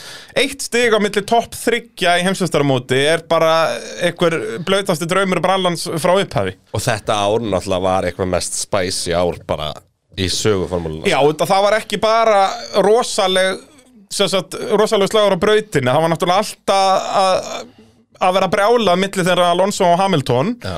Og svo er Spygate þarna á fullu líka. Uh, förum yfir það aðeins hérna en uh, það má segir en að Alonso hafi tapað titlinum í Fuji í Japan sem var þriðja síðasta keppni um hann rétt. Og þar krassar hann í bara storminum sem var, það var ausandi rigning hann og við einmitt tölum um þess að keppni í Fettel svo á hodninu á petrum.is þegar að Fettel klessir aftan á Webber á, þegar hann hefði getað endað á velunapalli Já, Þar var líka allt brjálað manstu hérna, þetta byrjaði myndi í Ungverlandi þegar að Já, já, við- við erum að fara yfir það, sko. Já, já, ok, ég held að vera að sleppa þessu. Já, nei, nei, nei, nei, nei, nei. Uh, Tölum um Spygate. Uh, Pedro de la Rosa og Fernando Alonso vissu af þessu. Það er bara alveg staðfest. En FIA, sérst, í málaferlinu öllu þar að segja, ef þið þekkið ekki Spygate ef við förum létt yfir þetta, þá er það sem sagt uh, fyrrum yfirhönnuður Ferrari gaf uh, félaga sínum sem var yfirhönnuður McLaren 700 blaðsíður af bara af stærstu leyndamálum Ferrari. Og, og þetta komst allt upp hann 2007 þannig að það var ekki nóg með að allir þessi slagur voru breytin heldur voru líka bara Ferrari og McLaren og fundlu í málaferlum bara fyrir hæstarétt og íþróttadómstólum og öllum anskotanum hann bara á milli keppna. Og þetta einmitt kom allt upp hann í kringum Ungverjaland aftur Ungverjaland er svona þemað í þessu söguhotni hérna.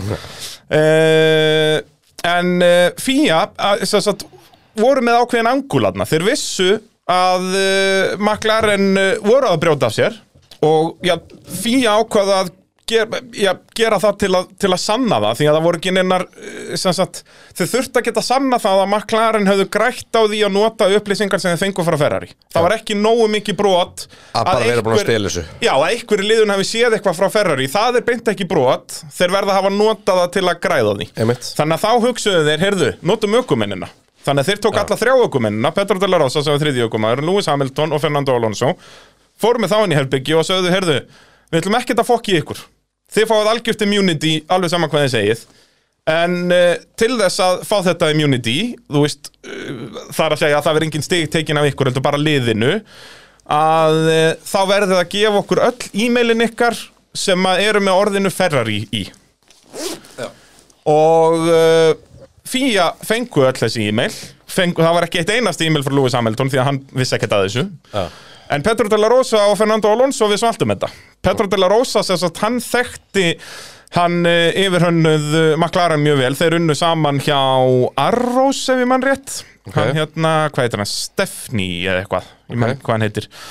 Uh, og þarna eru þeir og þú veist, það er magnaði að lesa þessi e-mail. Ég fór að rýna eitthvað í þetta og þetta er bara Petro de la Rosa að spurja uh, yfirhönnuð McLaren og, út af þeir höfðu unni saman. Hérna, hvernig er þingdadreifingin á Ferraríinum? Þú veist, við erum að fara í vingonginu morgunni þarf eiginlega að vita þetta upp á að við getum stilt þessu upp eins og Ferraríun bara til að hafa það viðmiðunar. Já. Og Fernando Alonso spyrja bara, heyrðu, hvaða gas nota er í dekkin? Bara, við erum að fara að prófa á morgun, bara þetta væri mikilvægt, takk, bless. Bara e- ekki vottur af, af, af uh, neinu svona réttlæti eða svona, já, alveg góð seðblinda þarna hjá þeim, en uh, þú veist, þetta er bara sport og, og já, þeir vissu alveg að þeir var að svindla þarna, en uh, Fía var búin að lofa þeim að þeim er ekki refsað og það var raunin. Uh, En liðunum var refsað. 100 uh, miljónur dollara í peningarefsingu sem er bara stærsta refsing í sögu íþrótta held ég. Já. Og uh, fengu 0 stig. Þannig að hann í Ungverjalandi kemur þetta allt upp. Og uh, núlstig því að náttúrulega þið fá engan pening ára eftir sko já, og enda bara í 12. sæti heimsvöstaramótinu Enda og þeir voru í að leiða, leiða mótið með 30-40 stigum. Þannig að Ferrari verða mestarar bílas með strax í Ungverjalandi þó að það séu sko fjóra keppnir eftir eða eitthvað og það var svo langt í þriðansendi þannig að, og ofan á allt þetta og ástæða fyrir því að í rauninni fíja koma staðu sem er tölvupóstanna er að Ron Dennis þegar hann kemst að, ég veit ekki nákvæmlega hvernig þetta gerðist, en í öllu brjálaðan en í Ungverjalandi, tölum um það þá er sem sagt í tímatökum uh, sem sagt Hamilton fer ekki alveg eftir skipunum liðsins og það trublar Alonso í sínum hraðarringi held ég fyrsta að öðrum hlutanum Já. Og til að svara fyrir sig að þá uh, býður Alonso inn í pitt þannig að blokkar Hamilton í rauninni Já. til að stoppa hann að setja hraðarringi í lokalhlutanum Já. Og þá verður Ron Dennis alveg stöppugeðugur hann er Hamilton náttúrulega orðin bara stjórnu drengur. Þannig er hann að leiða móti náttúrulega með einhverjum 25 stegum eða eitthvað, hann er að- að Einmitt. rústa þessu þarna. Og er bara verðandi heimsmeistari á sínu rookie seasoni nema Alonso er að fokka þessu öllu upp uh, að- eða þannig sá Ron Dennis allavega. Og þá hótar Ron Dennis Alonso að hérna með allir þessi e-mail eitthvað, ég mun láta sína öllum þessum e-mail og eitthvað, Ron Dennis fyrir þessi málaferli, hann hafði ekki hugmynd um Spygate það er bara, og ef þú veist ef þú trúir honum sem að ég geri að, að, hérna, að þetta var bara hérna, yfir hönnurinn sem að vissi þetta á ökumennir og þeir földið þetta allt frá Ron Dennis að þeir vissu bara Ron Dennis er með hausinn rétt skrúan á að hann hafði bara stoppað þetta þannig að út af öllu þessu drama hann í Ungverjalandi þá springur þetta allt upp og þá er þetta sam, samband náttúrulega búið. Já. Ég er að horfa einmitt á þetta. Já, Hann er alveg svo, já, ég er ekki að komast í gýr Eitthvað. Bara Og svo fer, góður.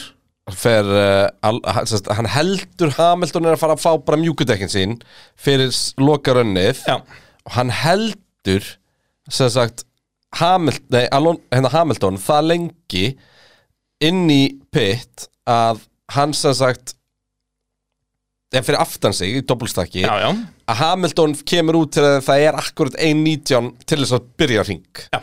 þú veist. Og akstustímun einum hringi í Ungverlandi er hann að finna á Ron Dennis ríkur eitthvað af görnum sem er með skiltið hans Ha- Hamilton og rýfur á hann talstöðun og eitthvað. Og hann bara, heyrðu, ég er ekki fokkin Fernando Alonso sko.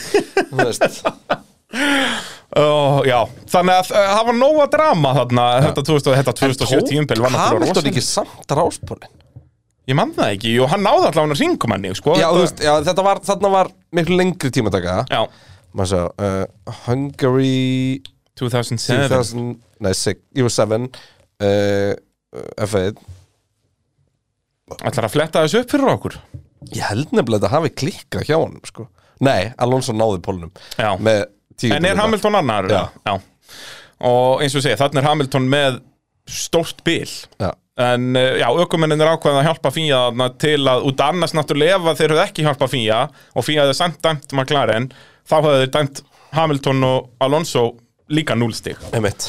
Þó að eins og með Hamilton Já, og sko, ég um hugsa meira segja að núlstig þarna var ekki ræðslun Það var bara að vera bara bannaði frá sportinu eða eitthvað Já, já, svo það náttúrulega það er, og Max Mosley sem er hérna yfir Fía á þessum tíma talaði alveg um það að e, e, sest, í öllum viðtölum áður en að þetta er staðfest þá sagði hann bara, e, ef við komum staðið að þeir voru að svindla þá þurfum við að refsa þeim harkalega. Já. og þú veist, Bernie Eccleston sagði það sama bara, ok, ég mynda að þú veist, þarna eru þryggja litra vélir í formúlinni hann orðaði þetta bara þannig, ok, segjum svo svo að eitt lið væri með 3,5 litra vél.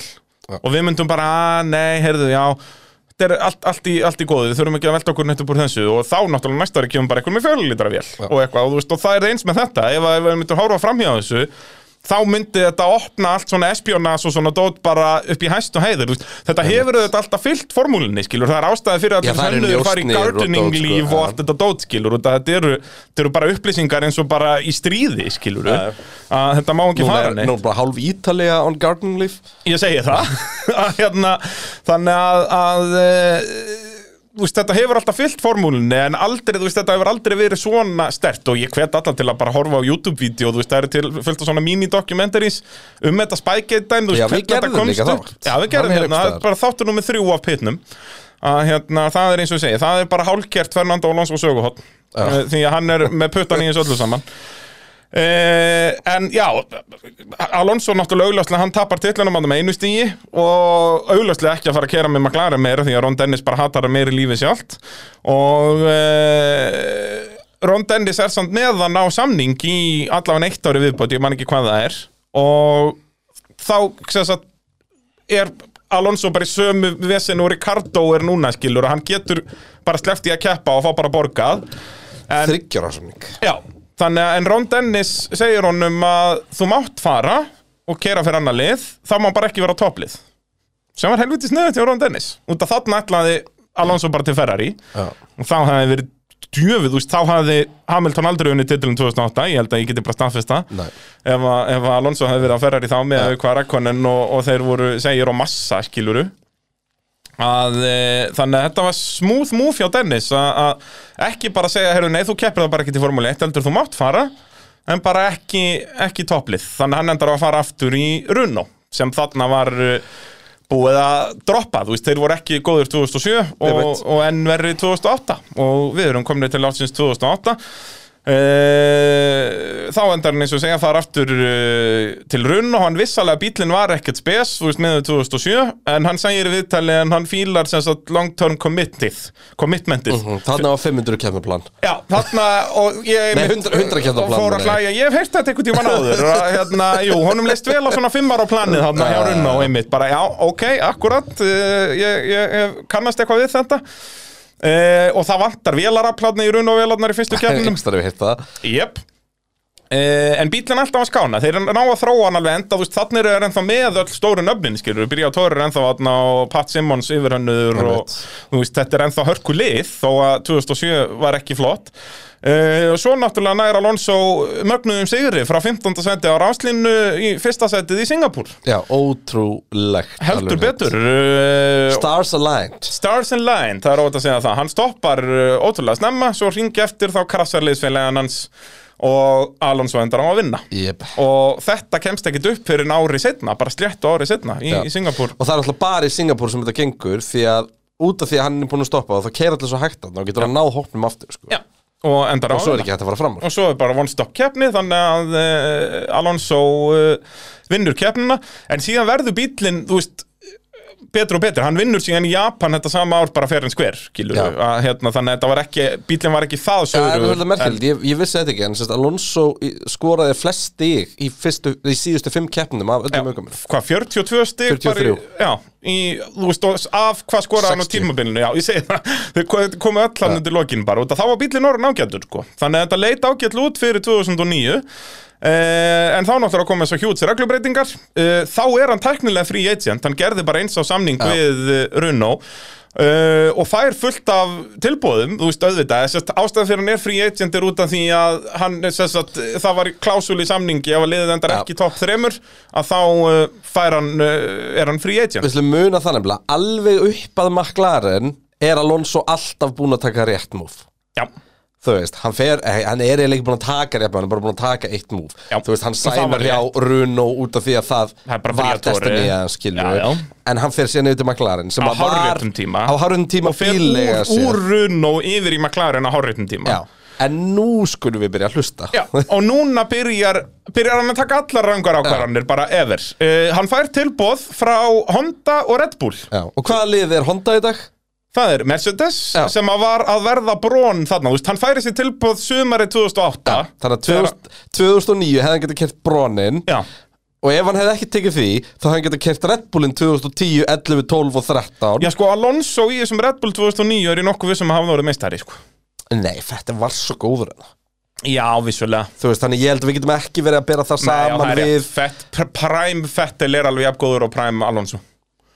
Já, sko, sérst Þú veist, ok Ég skal gefa þér það samt að ef ég ætti að velja 2009 Nei, veist að Bronin var bara svo framhúskarandi Ég held að Alonso hefði ekki einu sinni unni böttunan í byrjun, sko Nei, nei, aldrei, á, á Red Bull Þú veist. hafa hann ekki gert það, nei en, Og Fettel var að skora það mikið af stígunum á eftir Ég Fettel byrja tímbilið samt ekki vel En þú veist, Nei. jú, þetta eru skemmtilega pælingar, sko Hvað var aftur mikill munur að þeim? Í lók tímbils var það ekkert svo mikið, voru ekki bara tíu stig eða eitthvað, minna Jó, veist að Alonso hefði alveg getað náð einhverju tíu stiga svingi einhvers staðar, sko. Já. Um, En, út, af- Og þar er aðalega, þú veist, er ég að vitna í svona 2012 Alonso sem að gæti dreigið bara handur undan bíl já, já, ofar. Já, og 2010 og bara öll þessi ár. En, sem sagt, pældi því að hann hefði fengið Honda samningin, hann mitt ár 2008 Við hefum mögulega, spáðu hvað þetta hefði getað breytt öllu. Segjum hann að enda í Red Bull. Já, Segjum þá að hann hefði farið sérst, að Red Bull hefði þó samt tekið Fettel því að Fettel var hot sensation. Já, og gæði eitt sniðið að para Fettel með Alonso já Fettil er hann bara nýliðið, skilur Það hefði getað sko rekkað fyrirlinni Fettel Og hefði ekkert geta, ég held að hefði gert það, sko. Öruglega sko. Ég meina Fettel hefði aldrei orðið fjórfaldar heimsmyndari sko. Já, ég held að hann hefði ekki orðið einfaldur heimsveistari, sko Jú, því að Alonso var alltaf búin að sprengja Red Bull á allavega einu eða tveimur árum. Já, vissulega, hann hafði aldrei verið hann í fjögur ára, það er mjög góða punktur. En, og sama eins og hann hefði farið til Brón mm, Sko, ég Það er erfiðar að spá því. Ég held samt sem að ef Alonso hefði fengið tækifæri eins og eins og Fettel eða Hamilton 2014 þá er hann ekkert að fokkin því að þú veist, það eru lið sem eru committed á að vera með nummer eitt aukumann Mhm. -hmm.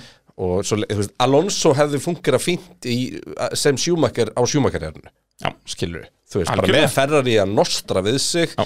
og bara hvern viltu fá í heimbílinn Bara, hafa nógu lélegan bara takk Já, þú veist, Alonso veit alveg hvað hann, þú veist, þarf að díla við Já. og bara ekki einhvern veginn svo stról sem keirir á hann í fyrstu kefni yep.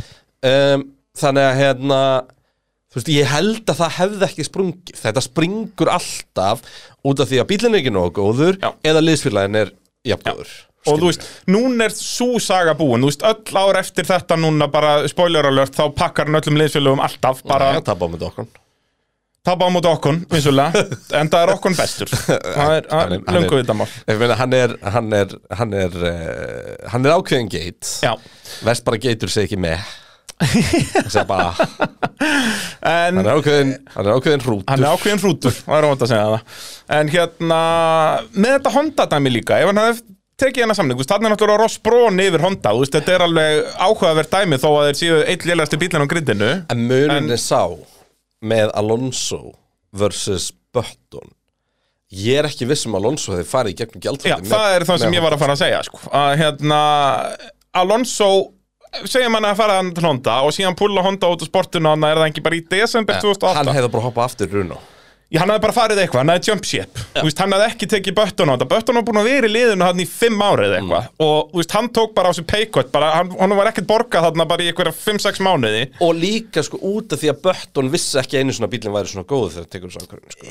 Jú, en hann var samt, Ross Brón var búin að sannfara hann, skiluru Ok. og Ross Brón er segur í að sannfara fólk. Og þess vegna held ég að veist, þá er, þá er möguleiki að Alonso hefði haldið áfram en mér finnst mun líklega að hann hefði jump ship Já, en það er það er hefði náttúrulega verið fullkomið ef hann hefði sagt neyfi Red Bull til að fara til Honda og svo hefði Honda orðið gjaldróð hann hefði jump ship og Emil, Jenson Button verið heimsmeistar á þessum bíl það hefði bara verið er ekta meira Alonso, sko. hlutur allar tíma það hefði verið á pari við þarna Shona Lacey dæmið sko Já, það er nákvæmlega svo leis uh, En hann gerir þetta, hann gerir ekkert af þessu Því að náttúrulega Honda eins og segja er bara líkt lélegast að liði 2008 og Red Bull sömu leiðis Ekkert spesur, bara eitthvað með David Coulthard og náttúrulega þessi Honda hefði ekki unnið sem Honda. Jú, Mercedes mótorinn var svo miklu betri. Ekki miklu. Þannig er allir að, heldur að svipaður bara þetta blondi fjúsu dæmi Já, hérna- eða bara bíllinn Nei. allur, það er ekki bara doppeltifjúsurinn sem er að vinna þetta, skilurðu. ekki blondi fjúsu Nei, jú, ég held að hann að vinna með hvaða mótor aftur í sko. Þannig er allir mótorunum í svipaðin sko. Já. Þú veist, það er ekki þessi það er ekki eins og hérna 2014 og eitthvað þegar það var bara heiminn og hafa milli mótora að, það hérna. var samt Já, já, Mercedesin var segur en ég meina, þú veist, McLaren voru ekkert frábæri ráðna 2009, þeir voru glataðir réttar að sent já en það var ekki mótor menn Nei, nei. Runóin var ekki góður skilur Nei, en eins og ég, ég held að þeir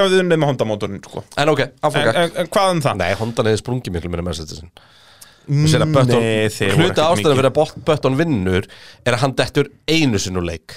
Já, já, 2009 og þú veist, Fettel dettur þriðsvar leik og tvísvar sko einhvers staðar way back. Já, þökk sé aðalega Renault Motor og, og, og Mark Webber. Já, Uh, en já, hann endar Alonso endar að fara eða halda áfram með Renault, gerir tveggja ára samning við þá og bílinn er þá bara enn verri heldur hann var á 2008 því að þetta var, þetta leit alveg vel út með Renault þarna að þeir voru á að að fara upp á við 2008 já, voru enda með, vel Já, skilurðu. bara með eitt besta bílinn í rauninni Já. í lók 2008 hefur leitið bara út eins og Mercedes fyrir það Já, svona svipustemming, jafnvel aðeins betur já. en svona svipað, já, já, þeir voru að vinna on merit ekki, þú veist, vinna Brasilíu og sjássu ekki Abu Dhabi og alltaf í, uh, á Já. palli og eitthvað svona, já, þetta er akkurat, svipustemming og er að koma stóru reglubreitingar 2009, Runn og eru með eitt besta lið þannig og ég segi, Pat Simmons og Briatore og alla þess að kalla uh, þannig að þú veist, á pappir er þetta fínasta múf hjá Alonso, bæði Red Bull og Honda er ekkert að gera þarna í mittvildinu uh, en Runo er á leiðin upp á við. En það fór allt í abaskít þarna og náttúrulega fleiri, þá náttúrulega stærstu fréttin af 2009 er náttúrulega uh, Ferrari og McLaren. Þau gáttu ekki blöytand bæði bara að það var bara algjört Það þetta snýrist allt við, þetta voru of bara, ég segi að- það, þetta voru Toyota og Williams að berast um velunapall við Brón og, og Red. Bull, skiluru. Þannig að þetta snýrist algjörlega við sem var geggja, 2009 tímabili var snilt. Uh, hann nær þó einum velunapalli hann í Singapur, uh, nær einum Ráspól, Ungverland, ótrúleitna satt. Og leiti þar fyrstu tólfringina þar til að pitgrúið ákvaða hendi smá has stemmingu fest ekki annað framdekki og það datt af. Uh, og eins og segja, velunapallur hann í Singapur og það var einmitt á sömu helgi þarna í Singapur sem að Kraskit komst upp og allir límiðarnir fóru á runobílnum öll stjórnin var sent í ævilangt bann og allt fór í abaskít já, sérst, öll fyrirtæki sem tengdust rún og vildu ekki tengjast. Það var hann ING IGN, bankin og eitthvað já. og bara eins og segi, bílinn var bara það voru engi sponsorar á honum og ljótur var hann fyrir. Ljótur var hann fyrir, með engum logoum sko, þetta eins og með þarna IGN eða hvað þetta heitir þarna, þú veist, þeir voru komið með svona appi sínum og blátt til að tengja það það. er svona réttlætti það einhvern veginn sko. og það er bara eitthvað, ok, við slum gera hana bíl ennþá ljótari út í að vera að borga fyrir það og við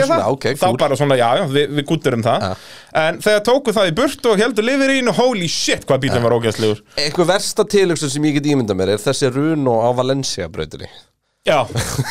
Ú, The perfect storm of awfulness. Það er bara svo leiðis e, Þannig að Alonso endar hann í níunda sæti árið 2009 sem var hans vesti árangur í Formule 1 síðan hann var með Minardi. Þá skoraði 0 stig hann á 2001 Já. en er ennþá samt alveg Ricardit sem eitt bestu ökumann í Formule 1 hann pakkar öllum liðsfélögum og þú veist, fólk, Já, þú veist og hann er bara- ennþá heitt property sko. hver var með honum 2009? er þá ekki bara er Píke er náttúrulega framan af. Jú, um Píki síðan að, uh, þú veist, ástæði fyrir að Kraskett PK og Grósjan kemur inn. Já, Grósjan kemur En semst hinn Runóin skoraði ekki stig árið 2009 Á meðan að uh, Alonso næri 26 Já, það er uh, djöfulli stert En eins og ég segi, þeir enda á að reka Píki Og þess vegna kemst Kraskett upp Út Já. En Píki eldri sko- sagði bara, heyrðu, stoppaðu þetta. Við þurfum að muna það að með Fernando Alonso það er ekki í söguformúlunar held ég ökumæður sem er betri að keira lélegan bíl. Já, bara, og líka að kera góðan bíl Já, það, það, er eru, bara- það eru nokkri sem geta gert kallið þar. Já, já, en, En þegar, þú þú veist, veist Það er meira sér að senna gat ekki kert lélegan bíl í að prata Alonso. Já, við fengum nú aldrei að komast almenna að því. Og þú, jú, en, nei, jú, jú hann, ég, ég myndi segja að það hefði verið ok. En það sem ég langar um að pointa át hérna En það er að það, það er erfiðara í dag að keira lélegan bíl Já. á þessu leveli út af því að það var svo margt sem að gæti fyrir úrskeiðis og þetta var svo allt öðruvísi þú keirði bíluna bara þú, veist- að keira bíluna svo mikið í gamla menn núna þarftu bara svolítið að hérna að navigata, ég veit ekki hvernig ég var að lýsa Jú, því, bara sko. svona hérna Treysta en gerir þetta og svona hang on bara einhvern veginn og sérstaklega á þessum sko síðustu tíu árum Já. Og hérna þannig að þú veist, ég vil menna það, Alonso sé bestur í að keira lélegan bíl eins og komið ljós já, eftir þrjú ár í sögurinn okkar Já, og bara, og, ja, bara á næstu árum í rauninni, strax bara árið 2010, sko, það er svolítið svo leiðis. E, við erum að sjálfsögði í þægilegu samstæðu við Viaplay, okkar allra besta fólk, e, eins og við vorum að tala um áðan, rosagleg helgi núna, lögadagurinn, helgi, sko. bara tímatökur í Sáti Arabíu frá 17 til 18, verða sennilega alveg til 18.30 ef við þekkjum Sáti Arabíu rétt. Já, reyndar engi sjúmakar í ár Engin Mick Schumacher, en hvað, þeir voru nú fleiri að finna vekkin að, neða, engin Latifi heldur, já, heyrðu, þetta verður ábygglega bara á slægin, á slægin átján verður þetta búið. Já. Og, nei, hvað Leclerc fann vekkin, þannig var það samt ekki æfingum frekar en tíma. Jú, hana og þú veist, það, Það er, reyndar eru að alltaf að færa vekkina lengra út á haf en, en hérna, við förum betur við þetta í uppbytunum þettinum á 5. daginn en á peturum.is en eh, hvetjum alla til að eh, já, horfa á Gunnar Nelson og formúluna á Viaplay næstu helgi Jip. Getur ekki klika Vá Eh, 2010, þá var Fernando Alonso orðin 28 ára gamall. Eh, Alonso hafði þá talað við eh, Luca Montesemolo eh, sem var þá stjóri Ferrari. Eh, og hann sagði að hann myndi keira fyrir Ferrari árið 2009 uh, Montesemolo, þeir tala saman hann bara 2008 eitthvað svo leis en Sjón Tott uh, hlustaði ekkert á stjóran og framlengdi við massa á rækonin þarna þegar það var alvöru stjóri þarna í, í Ferrari sem bara gerði það sem honum þótti best fyrir liðið uh, þó að eftir áhyggja var það ekkert endilega best Já. en uh, hvað um það?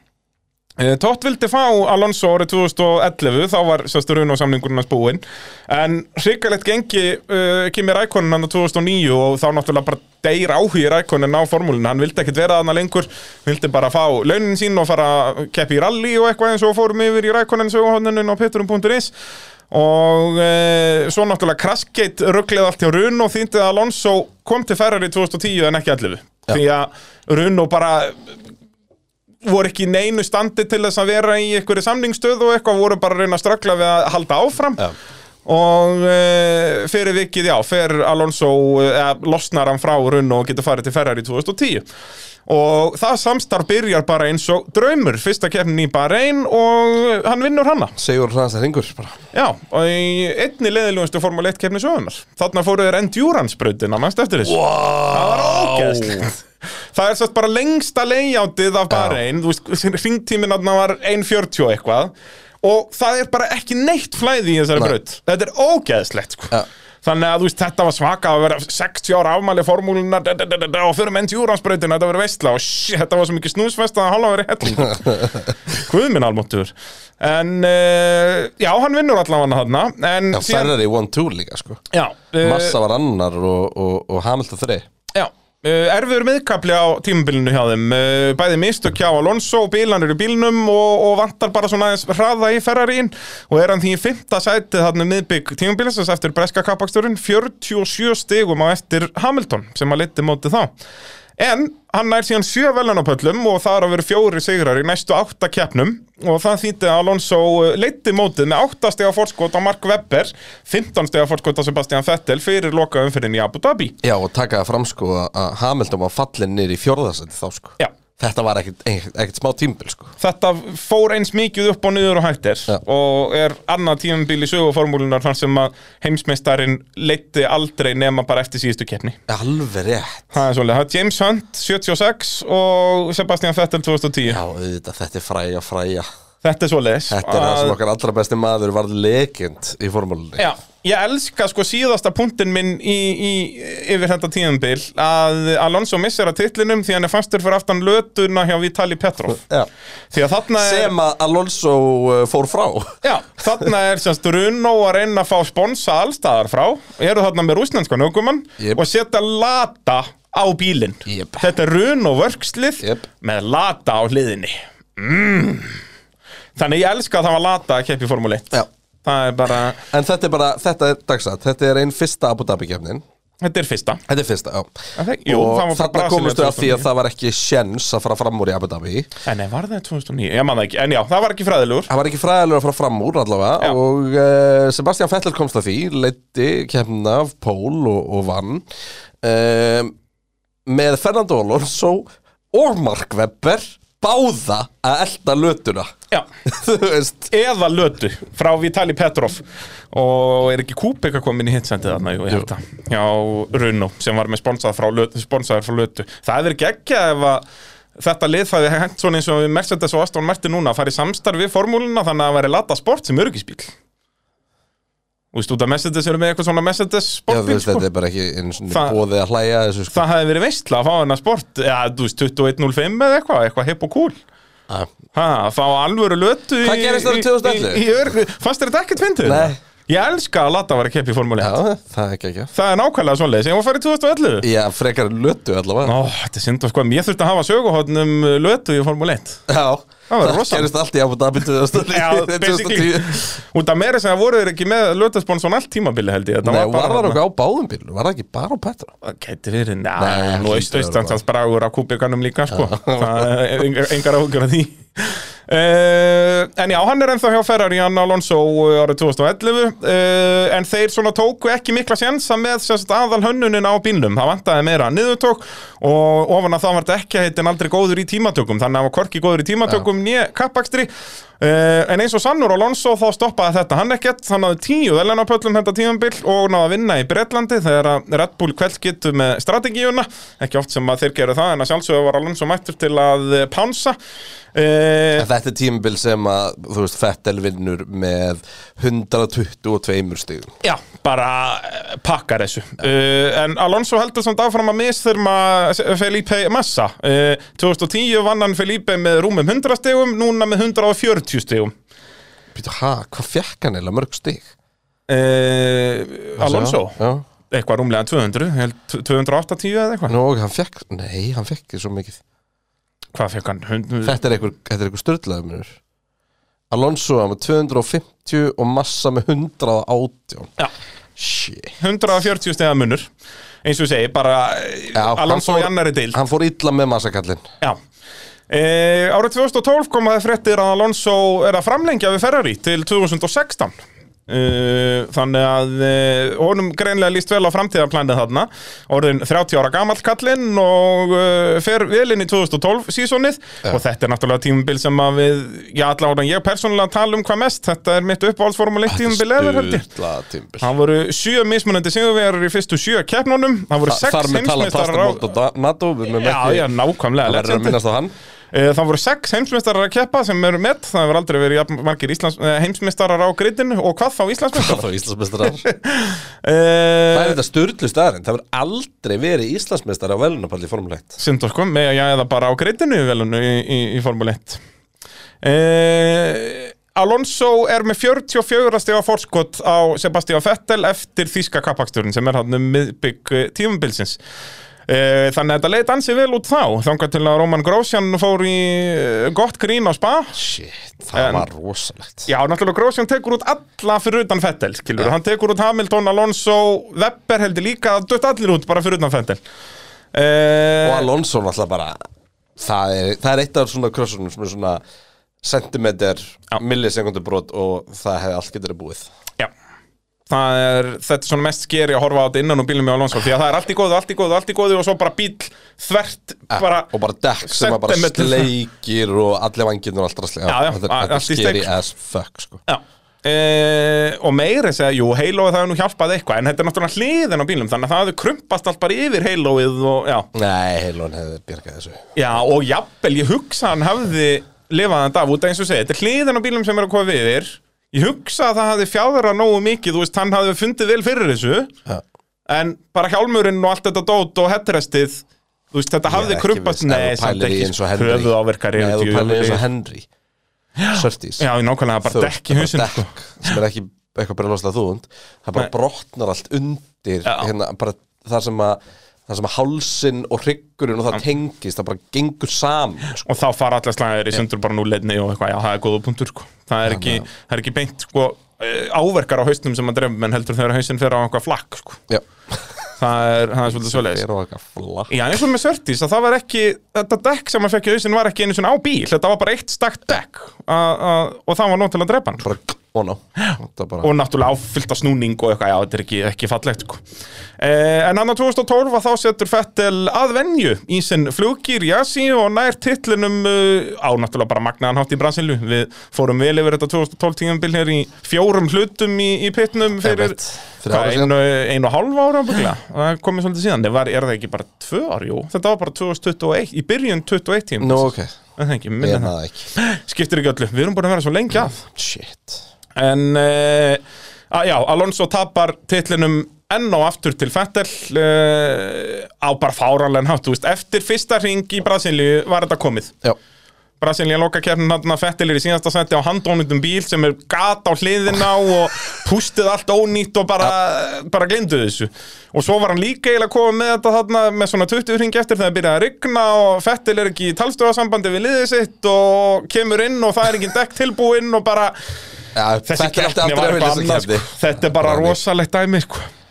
E, og þá er komið árunni 2013 e, þá var Ferrari bílinn alveg ágætur hann var ekki jafn slæmur og hann 2011 og, og já, jafnvel kannski aðeins betri en 2012 þessi bíl náttúrulega 2012 þó að Alonso hafi verið að berast um titilinn þá var þetta ógeðslegur bíl sko.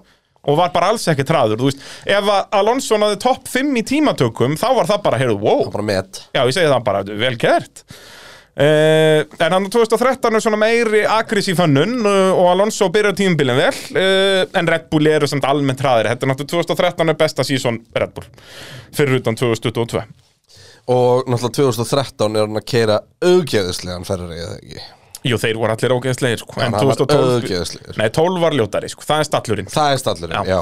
Já, og svo voru þið konum með svona eins og gerfi nef Þannig að 2013 margir Það sem Já, var að þessi stallur En það var eitthvað svona yfir samt Já. Það, var, uh, það voru agalega reglur hérna í, í Ógeðslegar. formúlinni Þetta er bara, þetta eru ljótustu formúli 1 bílar sögurnar Já, En þó, 2000, nei 2013 var algjör dominansár hjá Fettel Þannig að Já, þá voru Red Bull langkraðastir. Svo voru gerðar dekja breytingar Sess Pirelli breyttu kompondun aðeins eftir Silveston dramað allt það, Þegar allir sprengtu dekk og rækonin varstu í dauður bara og allt í steng að hérna, hérna á miðjum tímbili og eftir, eftir Bretland og það hægði ennþá meira á Ferrari. Uh, Ferrari komið svo með upphæslur sem að gera bílinn bara verri Það var ekki, ekki margt að virka hjá þeim. Nei, og þarna fór svona Alonso alltaf að átta sig meira og meira á því að, að þetta er bara ekki rétt að liði þeir bara kunni ekki að hanna góðan bíl veist. það að hann hafi verið að berast um titil 2010 og 12 var ekki þöks í Ferrari. Veist, það var bara Alonso að vera stöppu farinn sko. En hann hjekk nú samt 2014 Já, já, heldur áfram og er náttúrulega með samning til 2016 skilur, þannig að hann er svona en hann er byrjar að hugsa sig til reyfingsadna alveg uh og já, þriðja skiptið á fjórum árum þá endar hann í öðru seti og eftir Fettelana 2013 en Já, núna var miklu náttúrulega sko lélegri bíl. 155 stík í Fettel. Fettel var bara í annari dild Uh, hann heldur áfram að, að misþyrma greiði massa, núna var það 140 steg aftur á millin þeirra. Og það var uh, já, síðasti dropin uh, hjá massa. Já. Hann fer yfir til Williams eftir þetta. Eftir að Alonso bara eðilaði fyrir hans, það er óvægt að segja það. Uh, enda er Alonso svona eins og Verstappen og fleiri það- góður eðilegja ferla.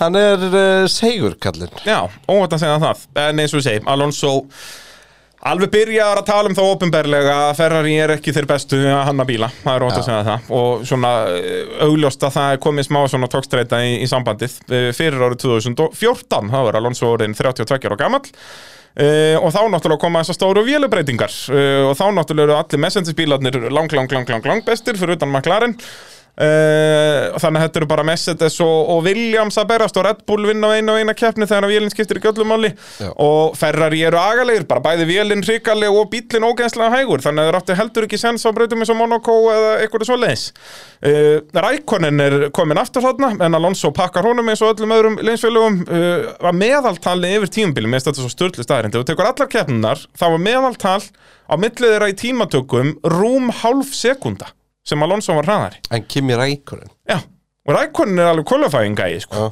Bara, þetta er störtlað sko. en Alonso er, hann er störtlaður uh, og á okkur fárálegan hátt næra líka tveimur velunapöllum hann á 2014 á uh, agalegum Ferrari. Við heldum sko að, að Ferrari hérna þarna undan verið lélegir en þessi var á öðru plani en hann nær velunapalli hann í Malasíu og sjálfsögðu. Já, þú sjá, sjáum það sko Ferri endi fjórðarsætt í hensmestramöndinu sko. Já, Já enda hvað, það er Williams, Red Bull og Mercedes vandaði með þengi Já, Maklarinn og Ferri skýtu bæðið þetta Já, Já þau, þau haldast oft í hendur með að skýnda á sig, þetta var eins 2009 uh, En uh, já, svo þarna eiginlega á miðju tímubili að svona setnir þetta tímubils fer allt í háaloft milli Alonso og Marco uh, Mattiazzi sem er þá stjóri Ferrari og Ferrari enda á að þessast, já, það, Það var á með marga stjóra hjá Ferrari Það þarna voru skista bara á hverju ári sko, en það var allt, þetta var bara þetta var trúðalestin og er enn skilur þetta er ekki flókimál og en sagt Alonso var aðalega að segja þeim að bara leifa sér að fara úr þessu helvíti hann vill ekkert vera uh, Careful what you wish for. Nákvæmlega. Og hérna vill, vill ekkert vera í þessu, þessari vittleysu Svona og miða við að við erum að tala um sem við erum að tala um að sé bara besti aukumæður Bara þessarar kynslóðar bara, já. Um, Að hann endi alltaf á að taka skref niður á við Þú veist, í heilan áratug Rúman áratug. Já, er galið sko þetta er bara vittleysa Hvað gerist árið 2015 bræði? Já, þá fer hann yfir til uh, McLaren Já, sem er að koma aftur með hvað? Með Honda Já, og hvernig gekk það? Já, Honda eins og þeir sem hafa fylgst með hormólu undanfærin ári bara mjög góðir Já, já Bara hafa unnið titla með Red Bull og ég veit ekki Já, hvað og og hvað. náttúrulega McLaren Honda Legendary dæmi, sko. kombo sko. Þannig að þetta var bara match made in heaven Manstu sem hvað manni fannst þetta sexy Alonso, McLaren, og Honda Button líka Og var já. Button, Alonso, Ron Dennis og Honda Já. Bara, það er líka best út að Ron Dennis er að það Hann er Sack Brown ekki mættur, sko Emitt Þannig að Ron Dennis er að tala aftur við Alonso eftir að þeir eins og segi, bara hötuðu hvort annan hann Ja. 2007, sko. Það er, en ég minna, það er næstum áratugur síðan, þannig að þetta er, uh, það rennur allt í sjávar, eins og, eins og maður segir. Uh, minnum að sjálfsögðu á Arena, uh, verðum við ekki að horfa á Gunnar Nelson í Arena um Það helgina? geti vel verið sko Það gæti farið svo, að þetta eru þetta heimavöldu pitsins, uh, Jip verður bilu stemmingi í formúlinu og jafnvel líka þegar Gunni er að berja eitthvað, Jep. Vitum við hvað hann heitir, gæðin sem hann er að fara að berja? Barbaníu eitthvað Barbaníu, já, já, hún hefur verið pakkað saman. Jep. í beinútsendingu á Arena, þetta er ekki flókið mál. Eh, en þá að árinu 2015 eh, Alonso gerir þryggjára samning við McLaren Honda en þannig er Ron Dennis niður. Því eftir drama 2007 þá vill hann ekki missa Alonso í ykkur fýblagang þannig hann bara skrifar hörðu, þú verður hérna í þrjú ár. Alveg sama hvað Já. þú mátt ekki fara neitt, þú veist, ef þú vilt ekki keppa fyrir okkur, þá getur þú fara heim á sófaðinn, skilur, Já. og við borgum þér ekki neitt. En þú verður hér í þrjú ár og ef þú ætlar að gera eitthvað uppreist og vera með leiðindi, þá bara hættu við að borga þér og þú mátt ekki fara neitt annað. Þannig var bara samningur, þetta var að skrifa bara það er no opt-out clauses, eins og þetta er orðað á ennsku. Það er bara, þú mátt ekki fara í þessu þrjú ár. Uh, og Alonso leið svaka vel á þetta honduverkefni og talaði við ykkur að Japanna Honda var náttúrulega stór líka þáttur í þessu. Honda er svolítið að borga fyrir Alonso. Algjörlega, algjörlega. Og, og eins og segja, á þessum tíma ég man hvað þetta leit sexy út sko. það var bara geggja En þetta byrjaði ekki vel.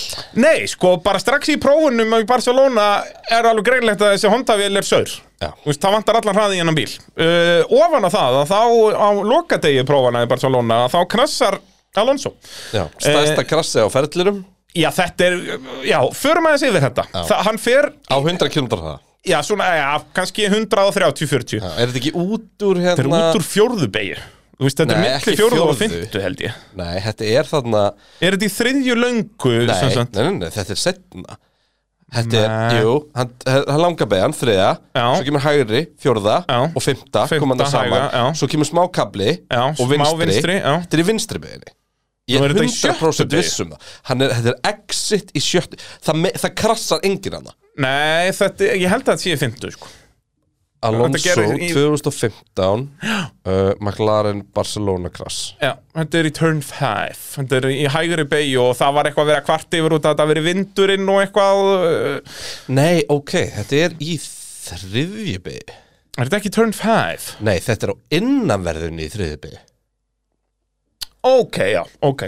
Einmitt, Þá er þetta vel skrítið. Já, þetta er svona, þetta er á sama stað ef þið munið eftir Mercedes-krassinu 2014 Nei, nei, þetta er Nei, framar. 2015 Ég er að sjá Já, myndir já, ég, ég, ég segi það En, en sest, við reynum að útskýra þetta fyrir hlustundum Ef þið munið eftir Mercedes eða þeir klassa saman 2016 og Max Verstappen endar á að vinna að, eh, að eh, þá er þetta ísast löngu hægri beginni fyrir það Já. og hann fer innanverði í innanverðu vekkin sem að vera hægt Nei, þú veist, bílinn, ef bílinn er með of mikið grip.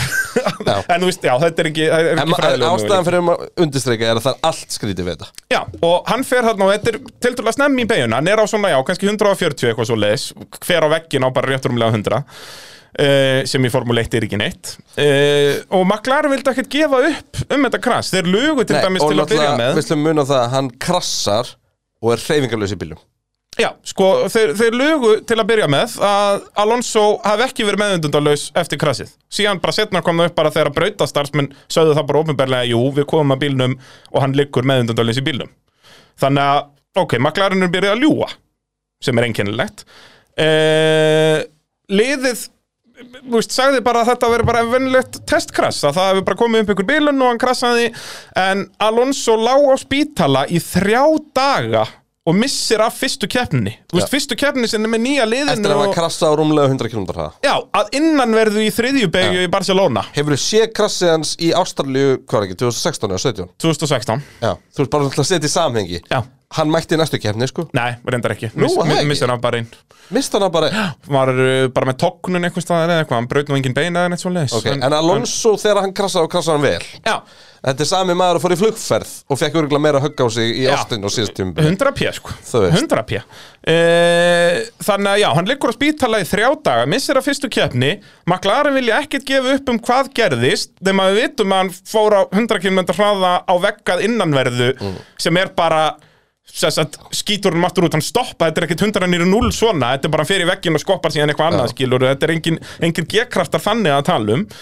Uh, Og svo skiljanlega fara bara conspiracy theories í gang skilur og ekki bara af einhverjum virtuos með einhverja álpapíshjálma Nei, heldur bara verkfræðingum í Formule 1 Já, bara þýskur fjölmælumæður sem hafi fylgst með Formule 1 í miljón ára og var ekki einhver Jacques Villeneuve eða Eddie Jordan sem var bara að skrifa hasarfréttir, skiluru, að, að hann var á spítalanum með að þekkti eitthvað þar og eitthvað og hann greindi frá því að Alonso vaknaði þá talaði hann ítölsku og held að hann væri ennþá bara með Ferrari.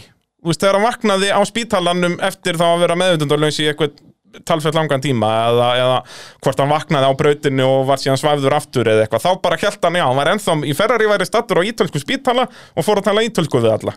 Já, hann var búinn að steinkleima öllu um hann væri komin til Ferrari og eða væri komin til McLaren og allt svoleiðis. Annar fjölmjölum að greindi frá því að hann, Alonso hafi haldið að árið var 1995 og það hafi tekið að marga marga vikur að fá minnið aftur. Og uh, þá fóru líka margir svona fyrrum Formule 1 ökum en að segja það, voru bara sannfærir um að Alonso hafi verið electrocuted, hafi bara fengið raflost, bílinn hafi gefið honum raflost, þannig erum við með þessar nýju turbo hybrid vélar. Og Honda kom með alveg nýja vél, að það hafi bara leitt út í karbonið. Og hann hafi fengið þarna bara 600 vött í gegnum líkamann á sig sem bara rústar öllum æðum og bara allt fyrir steik. Og þess vegna hafi hann sagt, mist meðutund og fer þess, þess vegna að innanverðu, þú veist, hann fær raflostið. Erum við að segja þessi dýrasti rafmakstóll í sögu heimsins. Já, þegar rafmakstólanir í bandaríkjunum voru allir mjög típ sko. Mm. og þeir vildi geða miklum peningi þetta þeir þurft að smíða svo marga.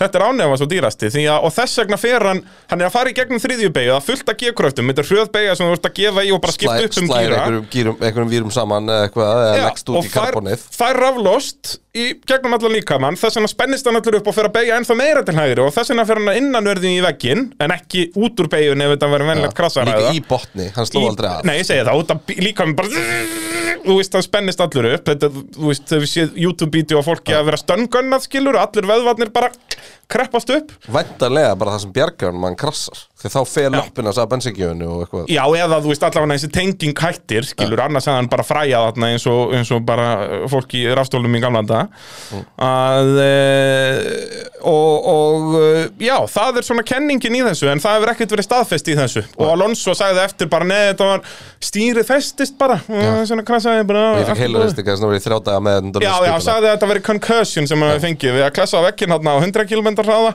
og þess vegna var hann þrjá daga á spítala. Og sást ekki í tvær þrjár vikur eftir það skilur bara, já, helviti góður.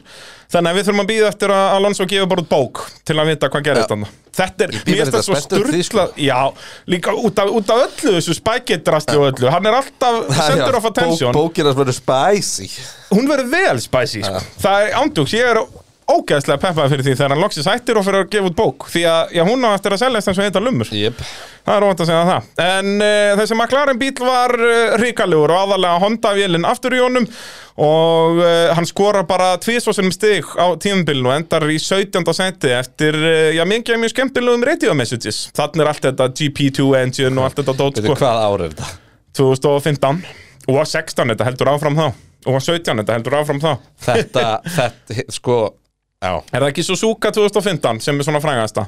Já, var það 16? Um, Það að reyna að finna þessa veistlu Þetta, Þetta er hérna? mikið gott stöð I think far from this place like a GP2. This is uh, embarrassing. Very embarrassing. GP2 engine. GP2. Ah! Þannig var Toro Rosso nýbúin að pakka honum í draggi Já, og beinaköflunum var Suzuka Já.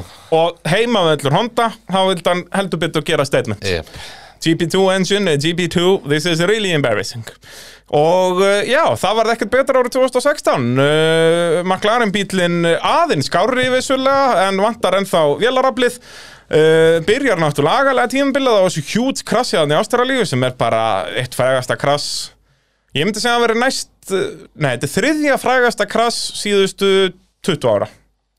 Um, Er ekki Grósjan Ástralja 16 Grósjan nummer 1 Grósjan nummer eitt og svo náttúrulega döðsvallið Bianchi Já.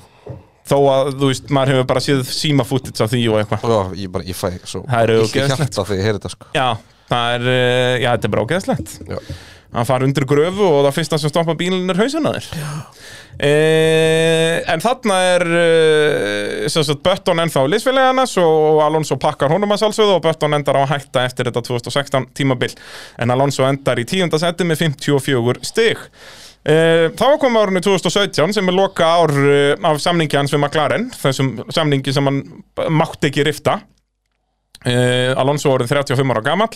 Uh, bílinn lítið hraðari en kannski aðeins hraðari en bílar bara miklu meira núna. Núna fyrir Honda að pussa ennþá meira performance og fyrir vikið sprakk bara vilin í annar hverju Já. Uh, og uh, eins og vennulega þá kom besti árangur hans í Ungarlandi, náði sjötta setinu þar. En þarna sagt, sleppir hann Mónaco Erum við sérst að segja að Alonso sé að fara að vinna í Ungarlandi, já, það er nákvæmlega sem við erum að fara, erum að, fara að gerast. Uh, en já, hann að 2017 þá sleppir hann Mónaco til að fara að keppi Indy 500, klárar þar í 2004. seti með uh, McLaren Honda Uh, og komið nýjan liðsfélaga Stoffel Van Dorn uh, hann keppir samtals í 19 keppnum Fernando Alonso og vinnur hann 19-0 í tímatökum Já uh, ekki amalugu pakki það. Uh, en endar í 15. setinu mótunum með 17 stygg ekki neitt að frétta hjá McLaren og uh, þarna buljar Alonso bara McLaren í það að sparka Honda. Já. Og Zach Brown er þarna orðin stjóri McLaren og Zach Brown fær Alonso Já, til að framlengja við liðið sem er í rauninni magnað en það er bara þarna kemur Zach Brown og segir bara, hörðu, þetta verður bara þitt lið við erum búin að sparka Honda eins og þú vildir við fáum run og núna loksins fáum við að sína hvað bílinn er geggjaður. Það var bara vélinn sem var aftur okkur allan tíman búm, 2018 kemur og bílinn er ógeðslegur. Hann er bara, ef eitthvað er var hann bara verri sko. þú veist, ok, hann var ekki verri en hann var ekkert mikið betri. Þannig að þetta var bara, þú veist jú, jú, vélinn var ekkert, að sérstaklega fyrstu árin var alveg augljóst að þetta var vélinn en, þú veist McLaren drop the ball. Það er alveg. Og Toro Rosso voru bara fínir sko Já, svona þannig séð og síðan náttúrulega þróa Honda-vélina ennþá meira og enda að vinna titilmiðinni, skilur uh, En já, það kom alveg bersinlega ljós þarna þegar Renault-vélina var komin aftan í McLareninn að það var bílinn líka sem var grútlélugur uh, En uh, Alonso heldur þó áfram að vinna Stoffel Van Dorn í öllum kefnum og öllum tímatökum. Já, það, og ég held að hann vinna hann aftur úr 20-0 í tímatökum líka sko.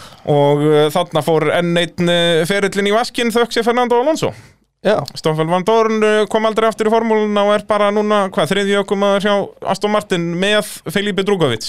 Jöp uh, En þarna fer hann líka að keppi Le Mans og vinnur Le Mans með Toyota, hann 2018 Já. uh, En missir þetta IndyCar-sæti sitt því að hann var búinn að gera það lífsmarkmiði sínu að drull yfir Honda síðastliðin þrjú ár. Og Honda var uh, Ástæðan fyrir að fyrir Indy. IndyCar-stöfinu þannig að hann- hann- þau tóku það ekki í mál að að vera að gefa honum einhverja sjansa þar og undir lók tíðanbilsins fær hann bara nóga Formule 1 segir viðtölum bara þetta er leðilegt að vinna alltaf söm, sama fólkið og, og ökumenninn hann aftarlega er allir leiðilegir hann talaði um það, þetta er svo leiðilegt að keppa þetta fólk og eitthvað, þetta er náttúrulega auðvitað bara út af performanceinu í bílum skilur hann bara þurft að koma með einhver ástæður blessaða kallinn sko.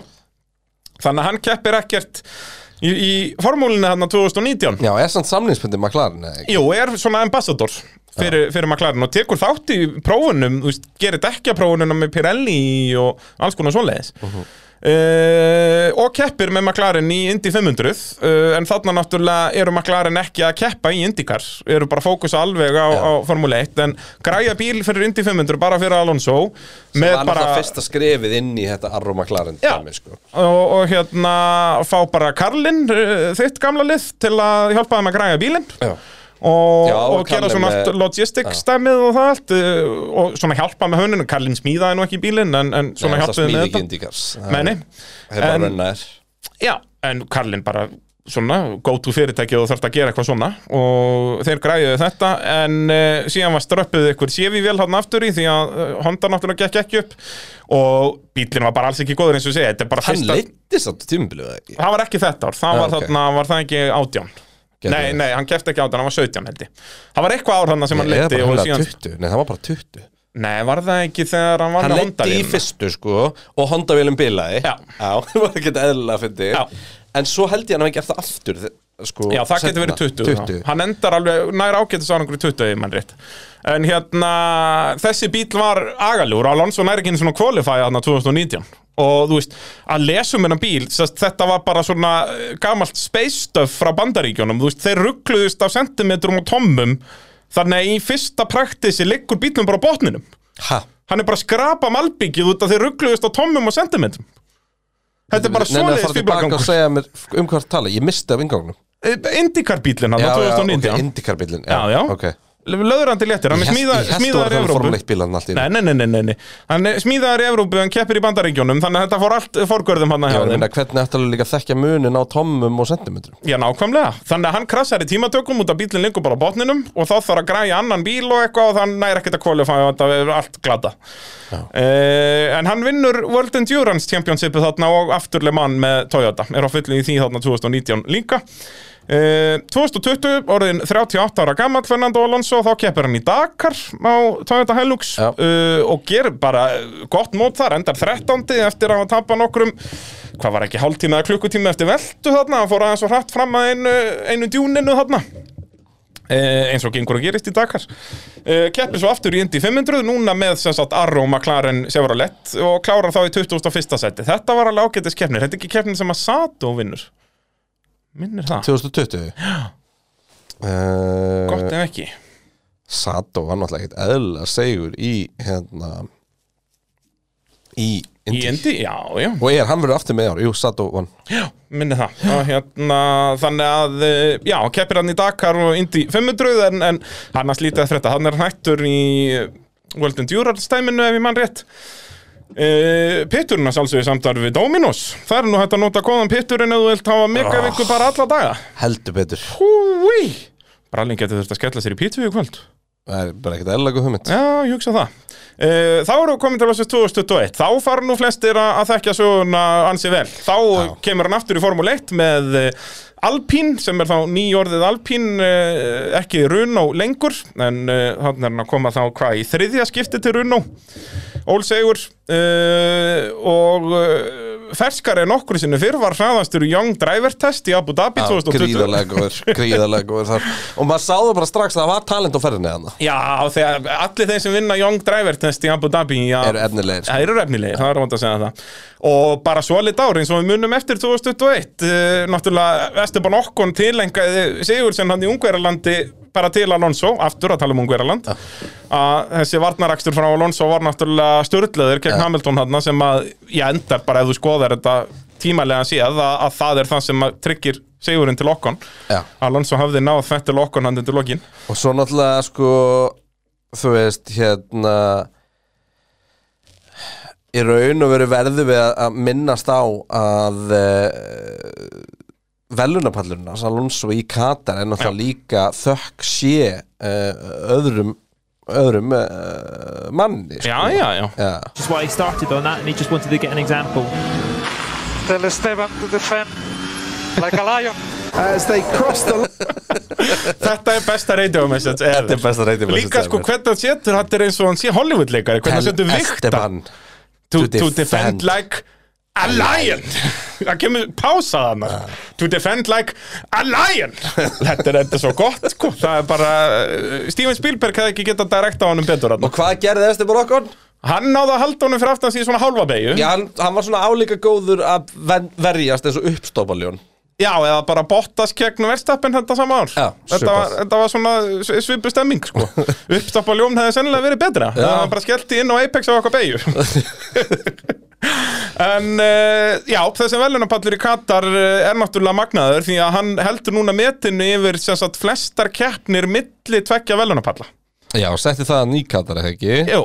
Og náttúrulega lengdi það. Nei, á Nei, milli tveggja keppna. Það eru 105 keppnir frá Ungverjalandi 2014 til Katar 2021 Það verður enginn uh, farið svona langt á milli tveggja.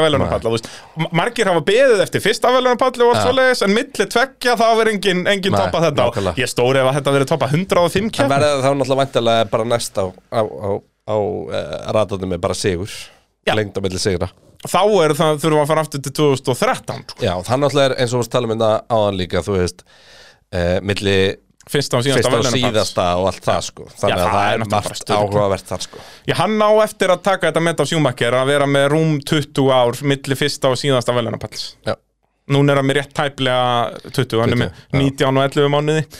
E, 2022 heldur hann svo áfram hjá og hann á góð Alpín. tíu ára eftir sko. Já, hann verður þarna, hann verður 52, sko, Já. ekki nokkuð spurning Uh, og aftur bara svolít ári í fyrra hjá honum eins og við munum eftir Alpín náttúrulega best af það rest þó okkon náttúrulega vinna hann samt út á okkon er getinn Svo verða stóru frétnir í Ungarslandi Já, auðvitað, Ungverjaland, þema þessara þáttar. Uh, við, Þetta er alveg skrifað í kýin hann hefur verið að vinna í Ungverjalandi. Já. Það er bara svoleiðis.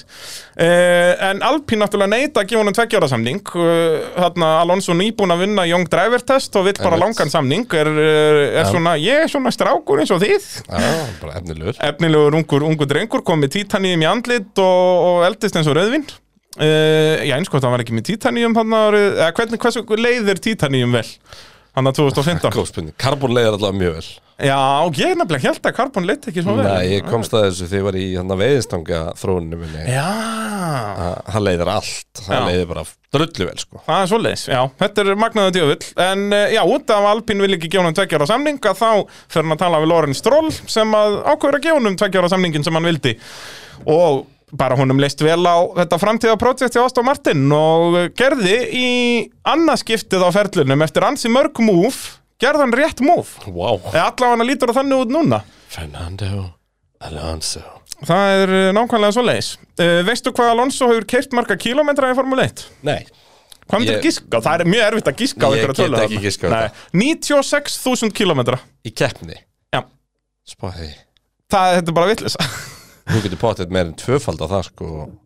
Þú veist, ef þú fyrir að horfa á Já, allar prófanir, allar Tímatökur og- og, æfingar og já, blessaða verð kan, Er þetta það? Nei, ég held að þetta sé bara í kefni 96.000 kilometrar uh, Og er svona, já, að mörgum talin Þú veist, það er alveg ástæði fyrir því að við erum að tala um hann í þessu sögu þarna Hann er eitt vinsalast hann og er geggjaða karakter.